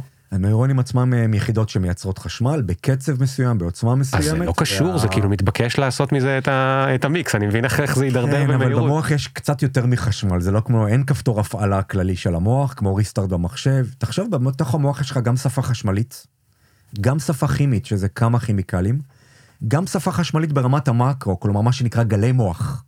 אזורים שלמים שמסתנכרנים מיליון, מיליונים, מיליארדים של נוירונים שמסתנכרנים ביחד 40 פעם בשני, בשנייה, 20 פעם בשנייה. גם זאת שפה פנימית שאנחנו לא מבינים עד הסוף. יש חיות שיש להם מוח יותר מורכב משל בן אדם? יותר גדול משל בן אדם. ג'ירפה ופיל.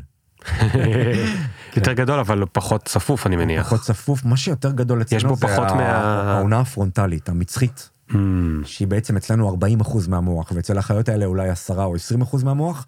העונה הפרונטלית אחראית לא על הכאן ועל עכשיו, אלא על דמיון, ספקולציות, השערות, תבניות, דפוסים, Mm. קוגניציה. כן. ואצל בני אדם היא הכי גדולה. שזה מה שמאפשר לנו בעצם לשתף פעולה בשביל איזושהי המוח מטרה עתידית. החברתי הוא בעיקר שוכן בתוך העונה המצחית. כן, וככה השתלטנו על העולם. בעצם מלך החיות זה לא אריה, זה הומו ספיאנס. כן, כן. או אה, בקרוב הבינה המלאכותית, אנחנו נראה. אגב, אני רוצה להגיד לגבי צריכה מודעת של אינפורמציה לגבי מדעי המוח, אז uh, תשימו לב אם בסוף משהו שאתם קוראים לא כתוב, uh, אם זה לא uh, אתר של מוצר כלשהו שמנסה למכור לכם משהו. אם זה שם, לכו למאמר המקורי. Hmm, Uh, אם במאמר המקורי כתוב conflicting interests למטה, המדען הנ"ל עובד בחברה לשיפור המוח באמצעות משחקי מחשב או לא יודע מה, תהיו יותר חשדניים. כן. האם המאמר שוחזר בעוד קבוצות מחקר? האם הוא נעשה על מספיק אנשים? האם הוא נעשה על אנשים ולא על חולדות? אפרופו משחקי מחשב, או ב... נקרא לזה יותר גדול, מסכים וילדים, או מסכים וזה, מה, מה אנחנו יודעים? אה, יש מחקר מאוד מעניין בארצות הברית. אגב, אני חייב להגיד שזה נורא נחמד, כל מה שאני שואל אותך, אתה פשוט יודע, יש לך תשובה, כמה אתה יודע על הדבר הזה, המוח שלך אין לו מגבלה? האנשים, התחביב שלהם, אני יודע מה זה לראות נטפליקס, מה שאמרת. אני, כשאני בא הביתה, אני פותח את המחשב ומתעדכן במה חדש במדעי המוח. אוקיי, אז יאללה, אז מה חדש עם מדעי המוח ומסכים? אה, האמת שאני לא מומחה גדול בתחום הזה, אבל יש הבדל בחיווט, כלומר באינטראקציה החשמלית במוח של ילדים שנחשפו מעל 4 או 5 שעות ביום מגיל צעיר למחשבים, יחסית לבני גילם שהם במינון יותר נמוך, וזה לרעת הילדים שמשתמשים הרבה במחשבים. Mm, זה מחקר אמריקאי, מחקר אורך, שזה דבר מצוין, עוקבים אחרי ילדים מגיל 0 ועד גיל 20, mm, כדי לראות את ה-trajectory, את ה, את ה, בעצם את ההתפתחות המוח על פני 20 שנה. ואלו עם מינון יתר של מחשבים ומסכים, לא מחשבים אלא מסכים יותר, כן, רואים איזושהי תת קישוריות במוח שלהם, מה שנקרא החומר הלבן. אבל עברת יותר מארבע שעות. זאת אומרת, צריך להיות באמת... אה, אה, ראית ילדים בני 14-15 לאחרונה? לא, אבל אמרת, לא אמרת גילאי, אה, גילאים 4-5? לא, לא, אמרתי 4-5 שעות ביום, ושהתחילו בגיל מוקדם. אה, כן, ולכן ההמלצה היא אפס מסכים עד גיל שנתיים, עד כמה שאפשר, שלוש, כן.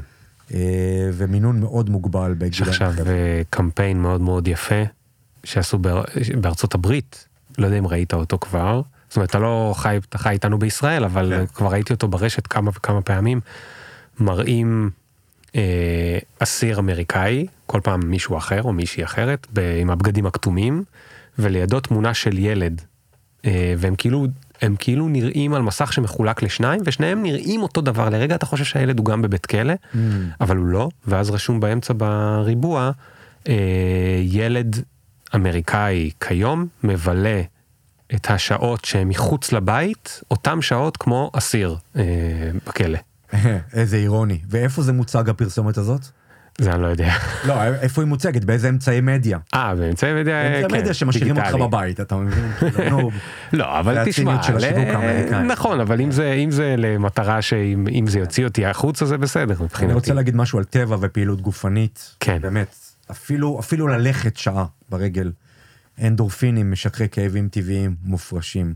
אם אתה עושה הליכה עם עוד חבר, או חברים, או קבוצה, אוקסיטוצין, ההורמון החברתי, הרבה קוראים לו בטעות הורמון האהבה, אבל זה הורמון פרו-חברתי, שהוא מצוין לתקשורת בין אישית. כן. אה, טבע מוריד סטרס, מוריד את רמת הקורטיזול, הורמון הסטרס, ממש ב-20-30 אחוז בצורה דרמטית, אז כן. הפרסומת צודקת, צאו מהבית ותעשו דברים חברתיים. אני אנצל לעוד רגע את העניין שאתה גם מגיע מתחום הפסיכולוגי ואני אשאל לך על, ה, על הקשר בין פסיכולוגיה חיובית ומדעי המוח כי פסיכולוגיה חיובית זה טרנד מאוד חזק לאחרונה ויש לו גם מדי פעם כאלה שנוטים לשכך קצת את ההתלהבות והשאלה היא האם אנחנו יודעים להגיד על איזשהו אזור במוח או משהו על המוח של מה זה אדם איפה נמצא אדם מאושר או אושר. אז התשובה הקטנה, הקצרה שלי, לפחות מה... ושוב, זו ההסתכלות שלי, כאן אני שם כוכבית, זאת הדעה שלי, זה שאין אזור כזה. אני אפילו יותר מתחבר למה שפרויד אמר בזמנו, שצמצום האומללות היומיומית זה אחד התפקידים החשובים של ה... גם בודה כן, לא כן. רחוק משם. אה, אזור של סטרס אני יכול למצוא לך בקלות מערכת שלמה. מערכת של פחד ולמידה, אה, ניסיון שלילי. יש, קשה לי לסמן אזור של עושר. כמו שאמרתי, מערכת התגמול, יש בה כימיקלים מסוימים שאם הם מופרשים במידה מסוימת הם גורמים לאושר. האנדורפינים, אותה תחושת היי, כן? שיש runners high ויש הרואינס היי, כן? כן.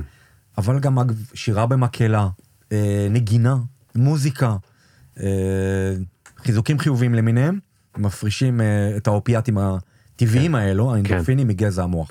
אתה יודע, זו התשובה שלי לפסיכולוגיה חיובית, אבל אתה יודע, מכיוון שאני למדתי לא, אבל זה גם בפקולטה עניין old. fashion לפסיכולוגיה, אז מדברים על צמצום תופעות שליליות בפסיכולוגיה. אבל זה מאה אחוז, זה עניין כן. של הגדרה, אפשר לעשות שהגברת האושר היא צמצום אה, המתח, כן, כן. וזה יישמע מאוד הגיוני. פה חברותיות, צריכה של דברים שמעניינים אותך, כן. מיצוי הפוטנציאל שלך, כן. אבל זה יותר המסלול של טיפוס על ההר מאשר פסגה מסוימת. אה, אז עוד שאלה בנושא הזה, מודע ותת מודע. יש דברים כאלה במוח? אה, כי לפני זה אמרת לי שאני כל הזמן מפעיל 100% מהמוח. תראה, עצם זה שנהגת, יש את מה שנקרא שכחת נהיגה, אתה מכיר את זה? אתה כן, כן, מתחיל לא לנהוג בשבע. בערב, בשבע וחצי אתה מגיע הביתה ואתה אומר שיט, בעשר דקות האחרונות, אני לא יודע אני איפה לא הייתי. הייתי מודע. כן. אז אתה רואה שהמוח, אני אגב תל אביב יש לי גם שכחת חנייה. כן, רק לא שכחת קורקינטים, גם אני תל אביבי, וזה לא כדאי לשכוח, כי הם חוצ- חוצים לך את הדרך כל הזמן. אה, המוח עושה הרבה פעילויות אופליין, אה, ובצורה ספונטנית, ואני רוצה לדבר על יצירתיות בהקשר הזה. כי יצירתיות הרבה פעמים אומרים מגיעה מאיזושהי מוזה, מאיזשהו מעיין סודי, איך נקרא לזה, זרם התודעה. מג'יק. בדיוק. אז המג'יק הזה, הוא אפשר להסביר אותו במונחים של מוח. מכניסים נגן, ג'אז, סקסופוניסט או פסנתרן לתוך MRI. עכשיו, איך מכניסים פסנתר לתוך MRI? פסנתר, שבע אוקטבות, שלושה מטר רוחב. אז קודם כל מייצרים מיני פסנתר, באורך של פחות ממטר. אה מכניסים פסנתרן עם הפסנתר. עם הפסנתר. אוקיי, שנייה, שנייה, אז עושים לו. קטן כזה? ובית אסור חלקים ממתכת, נכון? MRI הוא מגנט? כן. אז כולו מפלסטיק, מין נגן מידי כזה. רק הראש של הפסנתרן בתוך ה-MRI, כל הגוף שלו בחוץ וחופשי לאלתר. אוקיי. נותנים לאדם הזה לנגן פעם אחת לפי תווים. זאת אומרת. עכשיו שנייה בתוך הצינור הזה של ה-MRI עכשיו נכנס איתו קטן ליד הידיים. ה- בדיוק, הירכיים שלו בחוץ, Hmm, הפסנתר על הירכיים, הידיים קצת בחוץ, הראש שלו בפנים. אוקיי. ונותנים לו פעם אחת לנגן לפי תווים, ופעם אחת, יאללה, יצירתיות תאלתר. כלומר, מצב אה, by the book ומצב של זרם התודעה, תקרא לזה. כן. והפלא ופלא ב-MRI לא רואים שום מוזה נוחתת לו על הכתף או איזה אצבע אלוהים נוגעת בו, אלא רואים איזשהו שינוי במאזן בין שתי מערכות במוח. בזמן שאתה מנגן בת, אה, לפי תווים, לפי אלגוריתם בעצם, אזור של קשב, מודעות, ריכוז, אה, קוגניציה, אותה עונה כן. קדם מצחית עובדת מאוד חזק.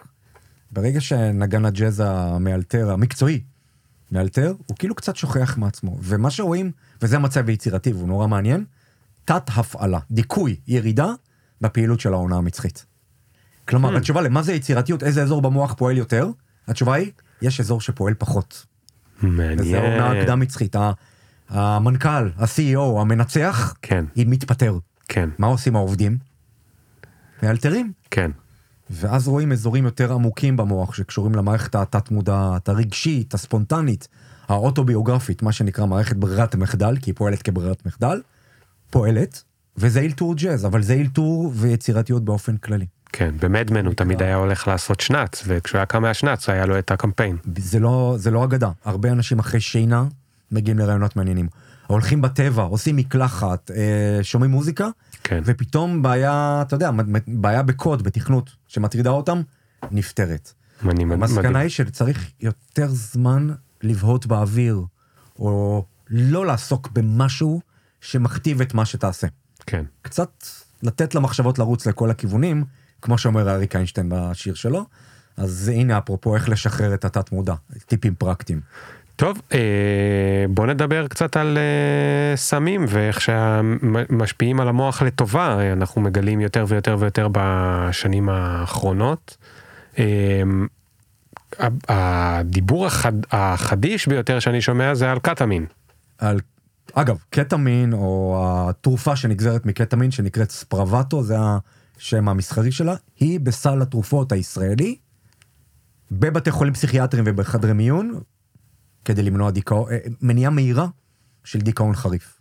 דיכאון חריף זאת אומרת שהוא הם, הם, זה רגע לפני אה. אובדני. אגב, דיכאון אפשר למדוד בשאלון, האם אתה רוצה להתאבד, האם אתה מיואש, האם אתה לא יכול לישון, לא אוכל, יש ממש מדד מ-0 עד 60, ככה מודדים דיכאון אגב, אין מדד מוחי לדיכאון, Mm.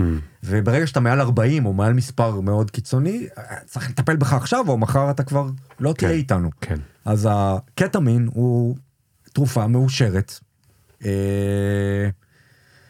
בסל הבריאות הישראלי, זה לא מדע בדיוני, זה כבר נמצא ואפשר לקבל אותו. כן אבל כמובן מעדיפים להשתמש בכלים היותר רכים לפני ששולפים את הקטמין, אבל הוא סם דיסוציאטיבי, הוא סם אה, הזייתי. קטמין במינונים גבוהים הוא גם מסוכן, הוא, אתה יודע שווטרינרים משתמשים בקטמין כדי להרוג חיות גדולות, כמו ככה מספרים ופרות. כשאתה צעיר ואתה הולך למועדון ומישהו מספר לך על זה או מישהו רוצה להזהיר אותך מזה הוא אומר לך הורגים עם זה סוסים. זה נכון, הורגים מזה סוסים, אבל מדובר במינון שהוא פחות מעשירית מה... אני רוצה להגיד משהו כללי יותר על סמים, סמים פסיכדליים וסמים חדשים, אין טוב בלי רע. יש, בהחלט, יש, וכדאי לחקור את הצדדים הטובים. יש גם אנשים שמתחרפנים מסמים. יש אנשים שנכנסים לדיכאון אדיר אחרי ההיי של ה-MDMA במסיבה או האקסטזי. יש אנשים שפטריית הזיה תעשה, תעשה אותם יצירתיים, עיין ערך אה, ג'ון לנון, פול מקארטני. כן אה, סטיב ג'ובס. סטיב ג'ובס, ויש אנשים שמתאשפזים בבית חולים פסיכיאטרי עם התפרצות של סכיזופרניה לכל החיים, וזו מחלה נוראית סכיזופרניה, בגלל שהם לקחו אה, ב setting מסוים או בעוצמה מסוימת את הסם. כן. כלל אצבע, מתחת לגיל 25, לא. המוח עדיין מתארגן. סכיזופרניה במשפחה, או מניה דיפרסיה במשפחה, לא. ממש, חד משמעית, לא. לא להתעסק עם הסמים האלה. מעניין מעניין ואיך מי שיותר עמיד יכול לנסות כמובן ב set וב setting הנכון. אתה יודע אה, וואי ברח לי השם של פול מש, אה, שעכשיו עשה בנטפליקס את הסדרה כן, אה, איך לשנות את דעתך. כן תכף נזכר כן. בשם שלו. אה, פולן, מייקל פולן. מייקל פולן אז זה- בעקבות גם ספר שהוא הוציא והוא כן. מדבר על זה הרבה שנים.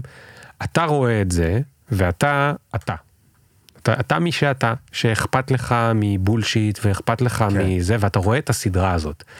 זה עכשיו שאלת מטה כן. איך אתה אתה מסתכל על הסדרה ואתה כל הזמן מחפש את החורים אתה כל מחפש פעם את שאני הזה רואה או- משהו במדע הפופולרי אני הולך למאמר שעומד סביב ההוכחות לאותו, שעליו נבנה האייטם הפופולרי. ואתה חושב שהוא עשה עבודה טובה או לא טובה? הוא ב- עשה עבודה טובה. הוא עשה עבודה הוא טובה. עשה עבודה טובה. ושוב, לאנשים שמראש עשו screening, הם מספיק מבוגרים, אין להם מחלות נפשיות לעצמם או במשפחה, כי גנטית זה יכול אה, לפרוץ.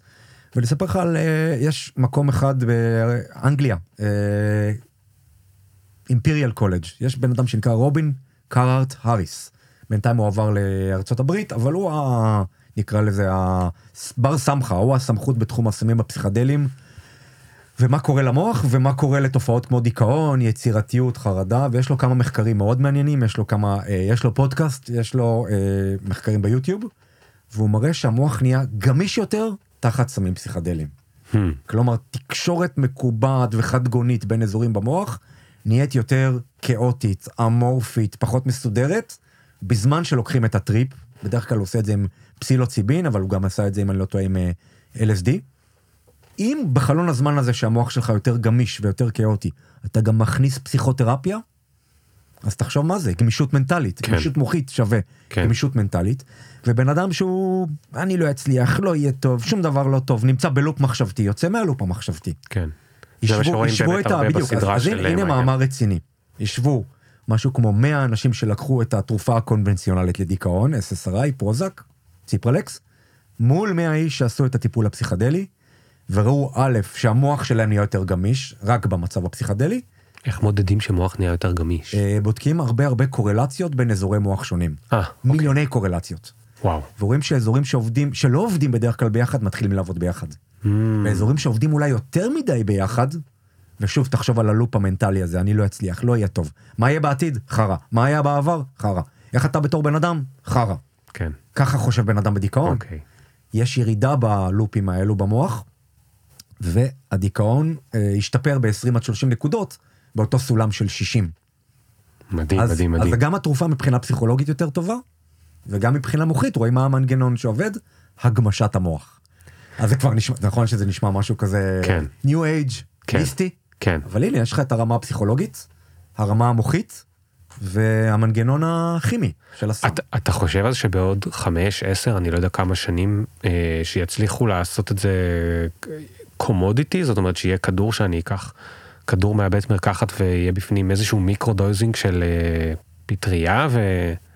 אגב, micro, micro dosing לא עובד בכלל.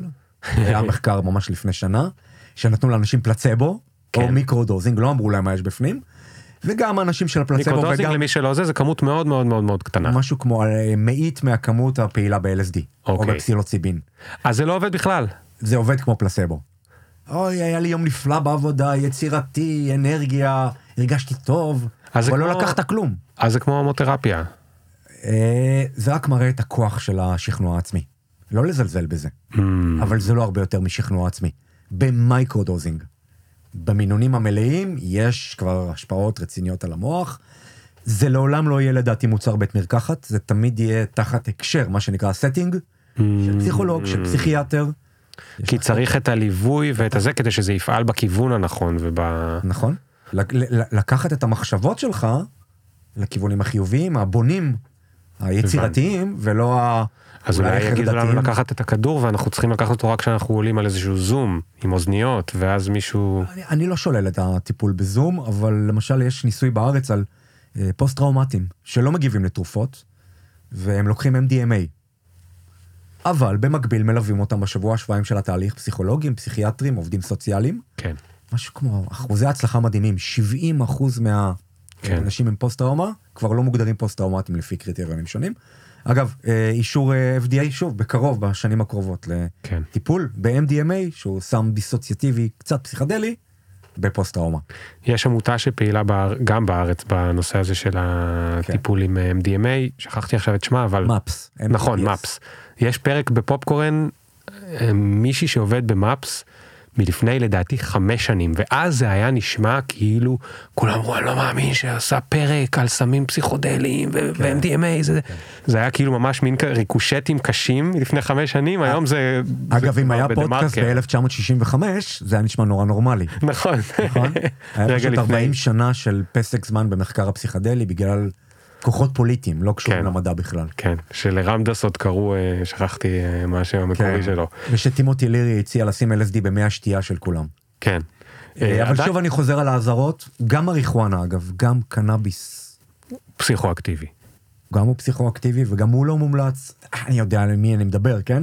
אבל עד גיל 20 ושהמוח עדיין מתארגן, ולא במינונים גדולים מדי, ואם זה בא על חשבון פעילויות יומיומיות, כלומר הצורך שלך זה להיות מסטול, אז, אין הבדל בין זה לבין... אה, כן זה לא נחשב טיפול. זה התמכרות כבר.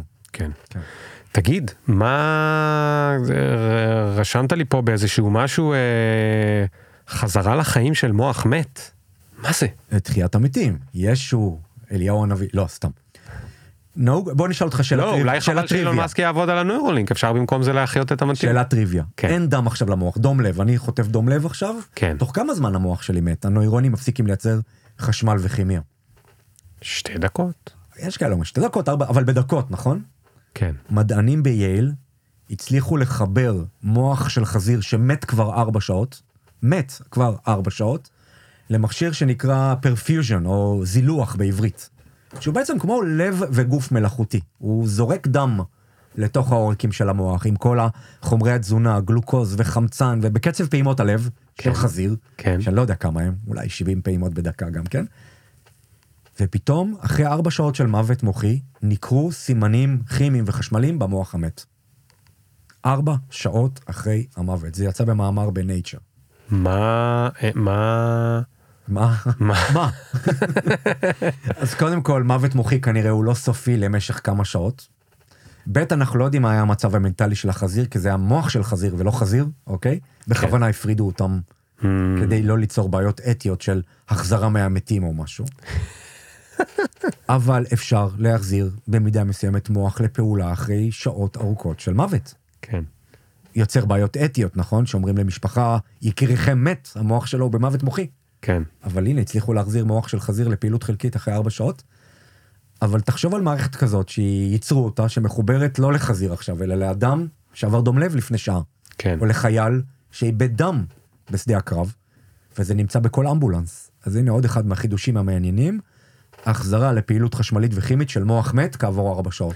אז אם באופן מאוד מאוד תיאורטי, כן, אתה לא תסכים לשום דבר שאני אומר כי אתה לא תסכים לחתום עליו, אבל באופן מאוד מאוד מאוד היפותטי ותיאורטי, אם אני רגע מנסה to popularize את המדע הזה, הייתי יכול להשתיל את המוח הזה בגוף בריא? שאין לו מוח? השתלת מוח היא לא אפשרית, אבל השתלת גוף, למה לא? הגוף, כלומר, הוא יותר פשוט מאשר המוח, מבחינה מערכתית. לא, אבל למה אי אפשר להשתיל את המוח? כמו שמשתילים כבד או כליה? כי כשאתה חושב על מוח, אתה צריך לחשוב על מערכת העצבים באופן רחב יותר, ומערכת העצבים יוצאת מתוך המוח והיא נכנסת גם לשרירים, Mm. לאיברים הפנימיים. צריך לפתור גם את הבעיה הזאת. זאת אומרת, יהיה לי מיליון חוטים לחבר. אבל אתה יודע מה, זה הרבה, כשאני חושב על זה ואני מהרהר איתך עכשיו סיור מוחות, זה הרבה פחות חוטים מאשר אה, אה, לשחזר את המבנה הפנימי של המוח עצמו. כלומר, החוטים שהולכים מהמוח לקיבה, כן. לכבד, לשרירים, לריאות, כן. הם הרבה, הם בכמה דרגות סדר גודל פחות מסובכים מאשר החיווט של המוח עצמו. כן, נכון. השתלת מוח היא כמעט לא, לא נראית לי אפשרית כרגע, אבל השתלת גוף, אולי כן. השתלת אה, גוף. במקרה אני מוכר כאן ערכה לשמירת מוח אם אתה... אגב, זה מה שמייקל ג'קסון תכנן לעשות, עד כמה שאני זוכר. באמת? הוא תכנן לעשות מה שנקרא קריותרפיה, אה, הקפאה, כן. טיפול בקור, להקפיא את הגוף שלו ל... לא יודע, 100-200 שנה, אה, כשתהיה הטכנולוגיה המתאימה להחיות. כמו אוסטין פאוורס. אה, כמו אוסטין, או, כמו מייקל ג'קסון, אלא ש- ואצל אוסטין פאוורס זה עבד. אלא שהמוות הגיע, תפס אותו בהפתעה, אגב גם משככי כאבים אם אני לא טועה, מייקל ג'קסון, כן? כן. Mm. פרינס, מייקל ג'קסון, אה, הרבה מאוד, משככי כאבים, פועלים על גזע המוח, מפרישים חומר שמפחית כאבים, אבל הם פועלים על אזורים מאוד סמוכים בגזע המוח, שמוריד דופק, מוריד נשימה, ובעצם... אה, אה, בגלל זה יש כל כך הרבה מקרים של אה, מוות. זה-. זה לא שהפעילות המתמשכת של לא, משככי לא, הכאבים לא, לא. גרמה לזה, זה ס- זה רנדומלית. מס- פעילות מספר 24, או כי הם לקחו כמות מספיק אה, גדולה. אה, זה הבעיה במשככי כאבים ובחומרים נרקוטיים, ההבדל בין יעילות לרעילות הוא לא מאוד גדול, Hmm, זה פי שלוש או פי ארבע סך הכל. הבנתי. כלומר, בן אדם שלקח את כדור השינה שלו, משכך הכאבים שלו, בטעות, פי שלוש או פי ארבע, יש סיכוי שהדופק שלו ירד לרמה כזאת, והנשימה שלו שהוא פשוט לא יתעורר בבוקר. הבנתי. וואו, כן. אוקיי, אוקיי, אוקיי. כמה אה, אינפורמציה. אה, אינפורמציה מדהימה, אני מקווה שאתה יודע, יש אנשים ששומעים פודקאסט על אה, פי שתיים, אני מקווה שהפעם ישמעו את זה על אה, חצי. אז אני רוצה, אה, אחרון, קסדה לצמצום גידולים סרטניים במוח. גם זה בסל התרופות כבר. וזו המצאה ישראלית. אוקיי, אה, לחברה קוראים נובוקיור, היא שווה אגב יותר מטבע היום בבורסה האמריקאית, לא מאמין. אבל זה לא חוכמה כי טבע כן, טבע התרסקה. אבל זאת החברת הביוטק הכי גדולה הישראלית בבורסה. מה שחשוב להגיד שאת הקסדה הזאת המציא אדם בן 70 ו... פרופסור יורם פלטי מהטכניון, פרופסור בדימוס, פרופסור אמריטוס, כן. אה, זכה בפרס ישראל לפני שנה או שנתיים, בגיל 80 ו... על ההמצאה הזאת, שמה שמראה שהעולם לא שייך רק לצעירים ושהמצאות יכולות לבוא גם אה, בגיל מבוגר. הוא פרופסור למדעי החשמל, הנדסת חשמל. מסתבר ששדה חשמלי חיצוני באמצעות מין קסדה כזאתי, גורם להפסקת פעילות אה, התרבות תאים Hmm, מתחת לקסדה. מה שיפה במוח שנוירונים לא מתרבים, כמו שאמרנו, כן. אבל תאי עזר, גליה, מה שנקרא תאי גליה, תאי עזר, כן מתרבים. והם גורמים לסרטן. התרבות לא מבוקרת של תאי תמיכה, תאי עזר במוח. קסדה, 24 שעות, אה, משרה זרם חשמלי, אה, מגנטי חשמלי מעל, ה, מעל כל המוח למעשה. הנוירונים זה לא מזיק להם, כי הם לא מתחלקים, זה לא משפיע על התפקוד כן. שלהם, והגידול מפסיק להתחלק ולהתרבות. 2, 4, 8, 16, מפסיק. ואין את הבעיה הזאת של ה... שיש ב... בטיפולי הקרנה, שגם תאים שהיו אמורים להתרבות אה, לא יכולים להתרבות? אה, אני לא מכיר בעיה כזאת, כי מדובר פה רק על המוח, ושוב, הת- אה, ועוד משהו מעניין קורה, שהגידול, ברגע שתאים לא מתרבים, מופעל אצלהם מנגנון להשמדה עצמית. אז הגידולים גם מצטמצמים. נתוני השרידות של הסרטן הנוראי הזה, סרטן המוח, שנקרא GBM, גליאובלסטומה, שהוא סרטן קטלני, תוך שנתיים, משהו כמו אולי 2% נשארים בחיים. וואו, נור, נוראי, הוא נוראי. וואו. עם הקסדה, משהו כמו 10% נשארים בחיים, או 15% נשארים בחיים. זאת אומרת, טיפול פי חמישה. פי שמונה, פי תשעה מללא. וואו. אה, וזה המצאה ישראלית, והיא בסל התרופות. כלומר, לא מדע בדיוני. קסדה. לצמצום, אני לא רוצה להגיד העלמה, לצמצום של גידולים סרטניים במוח. מדהים. טוב, אתה יכול לסיום לשאול אותי עוד שאלת טריוויה מהשאלות של הבולשיט בהתחלה, כמו עשרה אחוז? כן. בוא נראה, תן לי עוד כמה דברים שאני טועה בהם. לנגן מוצרט לתינוק, משפר את המוח שלו ואת האינטליגנציה שלו. אמ, אוף, זה לא נכון. לא נכון, ממש לא נכון. אה, עוד אחד? רגע, אבל אה, למה, תן לי על זה? משהו, למה לא? או יותר נכון, תגיד לנו למה זה למה זה השתרש כ... קודם כל למה זה השתרש? כי זה מוצר מסחרי והם מכרו את זה. הבייבי אה, מוצרט. כן. כן. אה, זה טוב להשמיע מוזיקה לתינוקות, בסדר? כי הם נהיים יותר רגועים ונחמדים וכדאי שיכירו את מוצרט. כן. אבל אם זה עושה את התינוקות יותר אה, חכמים, אז הייתי רוצה הוכחות במוח וגם במבחן אינטליגנציה. מעולם לא נעשה מחקר על מוצרט ותינוקות או מוצרט ועוברים. כל הממצאים הם על מבוגרים בני 22 בממוצע, ששמעו מוצרט ופתרו למשך 10 דקות אה, פאזלים עם קוביות טיפה יותר מהר. אבל על השפות אמרת שיודעים שזה נכון, על הריבוי שפות. תחשוב על לשמוע מוצרט במשך שעה מול לדבר שפה כן. ולחשוב בשפה לאורך חיים שלמים. אוקיי. אז בייבי מוצרט, או מוצרט, מה שהוא עשה בניסוי המקורי, וזה ניסוי בולשיט, תסלח לי, זה שיפר יכולות מרחביות מוטוריות אצל מבוגרים זה בני 22. לעשר דקות בלבד, ואחרי זה זה האפקט נעלם.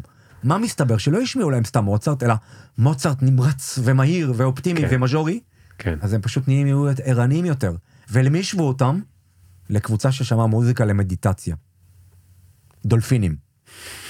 אז אלה עם הדולפינים היו מאולפים והם מוסתלים, ואלה עם המוצרט, אגב זה עובד יותר טוב עם לד זפלין לדעתי, או עם מטאליקה, היו מעוררים, אדרנלין, לחץ דם דופק, ופתרו כן, את הבעיות כן. יותר מהר, לעשר דקות. כן. אין לפחות- אפקט מוצרט, לפחות הוא לא לא קיים. השמיעו להם את הרקוויאם של מוצרט, שלא יהיו זהו, אגב, היה צריך. לעשות רקוויאם של מוצרט מול המוזיקה המהירה של מוצרט, כן. והיית רואה שרקוויאם של מוצרט מוריד את ה-IQ בחמש נקודות. מוריד את הרצון לחיות. זה כן. אז בייבי מוצרט. להשמיע, אבל לא מסיבות של שיפור הקוגניציה. כי זה פשוט לא נכון, זה בולשיט, אחד הבולשיטים ה... אז למה כן להשמיע? סתם כי זה נחמד. אה, כדי שיכירו מוזיקה. אז למה בייבי מוצרט? לא למה לא להשמיע מוצרט? צודק.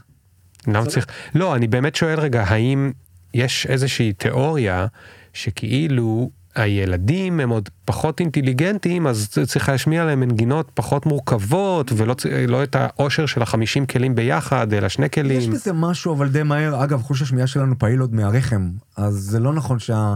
אנחנו קולטים צלילים היטב כבר מגיל מאוד צעיר, אני חושב שאפשר להתחיל עם... אולי עם לא, לא עם שוסטקוביץ' ומאלר, אוקיי, אבל מוצרט הוא קליט, הוא מלודי, יש בו מוטיבים חוזרים, אפשר להשמיע את מוצרט הבוגר, אבל לא לצפות שזה ישפר אינטליגנציה. שוב אני חוזר על זה, מעולם לא הוכח, לא ברמה המוחית ולא ברמה של ה-IQ, שמוזיקה מסוימת מעלה IQ או משנה את המוח.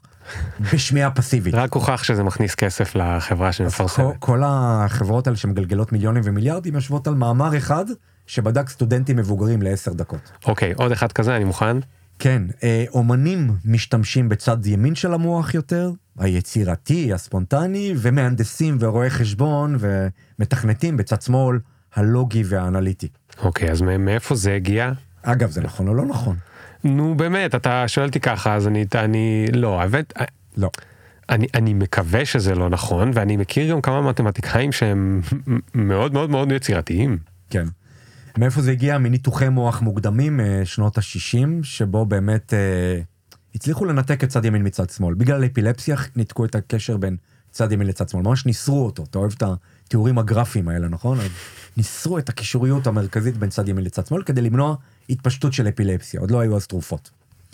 ועכשיו אפשר לבדוק מה קורה בצד ימין בנפרד ומה קורה בצד שמאל מבחינה התנהגותית.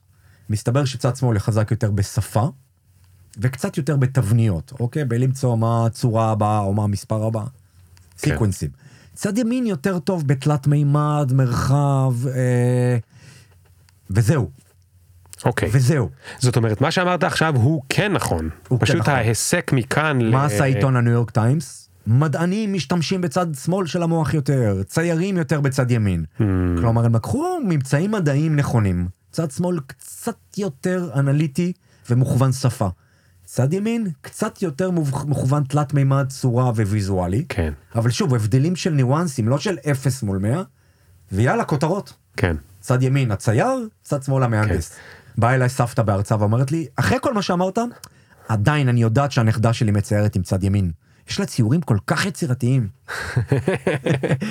אבל כאילו שאומנים. ומדענים לא שניהם משתמשים בתבניות וגם הפוך. מחקר ממכון ויצמן מ-2020 נתן לאנשים מטלות יצירתיות, וראה ב-MRI, אתה יודע, באמצעים יותר מודרניים, לא משנות ה-60, ששני הצדדים של המוח פועלים בצורה שווה, כשאתם משתמשים ב... אה, שעושים מטלה יצירתית. וכמו שאתה אומר, מוזיקאי, נכון, הוא יצירתי, הוא ספונטני, הוא שופע, אבל הוא כותב תבניות. כן, זמנים מסוימים, תווים מסוימים, כלים מסוימים, הוא גם אנליטי וגם הוליסטי בו זמנית. כן, או כמו שסיפרת לנו בהתחלה, הוא צריך להכיר את התובניות כדי לדעת מה לשבש, כדי לייצר את האטרקטיביות או את הסקרנות שלנו לסיים את ה... או נסיים ממש שאמר מיילס דייוויס, תלמד, תלמד, תלמד, ועל הבמה תשכח הכל. כן, וואו. כן. זה אגב, באמת, שזה גם מתקשר לאותו סיפור שאמרת שהיצירתיות קורית רגע כשקצת משחררים. בדיוק, בדיוק. ואני חושב שזה הדבר שהוא, זה המיומנות, שאחת המיומנויות שבאמת אה, נכשלו ללמד אותנו, כי אני חושב שהם, המורים או הזה, הם לא מאמינים בה. זאת אומרת, זה מנוגד לאינטואיציה שלנו, שכדי להצליח משהו אנחנו צריכים לשחרר אותו. נכון. ללמוד אותו, לתת לו מה שנקרא אינקובציה, לתג... לתת לתת מודע או למוח הלא מודע, לדגור עליו, לייצר את הקשרים המפתיעים האלה, אבל להיות כל הזמן על המשמר, אולי מתוך חלום, אולי תוך כדי נהיגה, אולי תוך כדי שיחה עם חבר, פתאום, תגיד, מנתח מצוין או מנתחת מצוינת ברגע שהם עושים את זה, הם בשיא הריכוז או שהם גם בחלק אוטומטי? אה, הרבה מנתחים שומעים מוזיקה ברקע דווקא, כדי לשבור את הרגעים המונוטונים. אה, כן, אי אפשר להצליח בלי ללמוד משהו. אני לא יודע אם זה חוק העשרת האלפים השעות הזה, אבל אתה לא יכול להיות מוצרט בלי ללמוד תווים. אתה לא יכול להיות מיילס דייוויס בלי ללמוד הרבה על ג'אז, או אני יודע מה, אה, דוד גרוסמן בלי לדעת את המורכבויות של השפה. של הסט- ושל ה storytelling. כן, כן. טוב, חביבי, תודה רבה רבה רבה, היה מאוד מאוד כיף, אה, עמית, אה, למדתי המון, המוח שלי גורה, כן. הוא צריך איזה שנץ טוב עכשיו כדי שיתחברו לו הקשרים והוא יבין מה לעשות עם זה אה, מחר בבוקר, אבל אה, כיף לשמוע אותך, אני יודע שאתה גם מרצה הרבה, אז אם למישהו יוצא יהיה כיף, אה, יש פה עוד המון דברים שלא הספקנו לדבר המון. עליהם. אה, נושא מרתק. אה, רק לסיום של הסיום, אני כבר הבטחתי סיום חמש פעמים, אבל זה מאוד קשה לי להפסיק את הפרק הזה. תגיד לי משהו אופטימי שאתה חושב שנגיד הילדים שלנו אה, ב, אה, יהיה להם יותר אה, קל או טוב או זה בזכות מדעי המוח? כן, אז קודם כל באמת התגברות על כל המכשולים האלה. חרדה, דיכאון, התמכרות וכן הלאה. ב', אולי אפילו תחום שנקרא נוירופדגוגיה, איך ללמד יותר טוב באמצעות תובנות ממדעי המוח. Mm, אז אה, כל מורה היום צריך לדעת כמה דברים על איך פועל המוח. מדהים. אה, רואים שבגלל הסקרנות היתרה ובגלל מקורות הידע, כמו פודקאסטים למשל, סבתא שלי לא שמעה פודקאסטים, אבל אדם שמגיע לגיל 70 היום, בקלות יכול להתחבר למקורות מידע. כן. אה, רואים איך גיל הדמנציה והאלצהיימר מתאחר, אה, אנשים נהיים חכמים יותר ויותר, מה שנקרא רזיליאנס, יותר עמידות ורזרבה קוגניטיבית, ואגב, ה-IQ עולה בעולם. עם הזמן הכוונה? כן, כן, לאורך החמישים שנה האחרונות ה-IQ עולה בעולם. אנשים יותר סקרנים, מקורות ידע יותר זמינים, אה, אנחנו יודעים יותר טוב אולי איך ללמוד. אה, תראה מה זה ככה יורדים על מקדונלדס ובסוף ה-IQ עולה. נכון. בתנאי שבזמן שאתה אוכל את המקדונלדס אתה שומע את הפודקאסט. תודה עמית. ביי ביי, אנחנו נשים תודה. לינקים ב- בתיאור הפרק. ביי חברים וניפגש שבוע הבא. יהיה סוף טוב.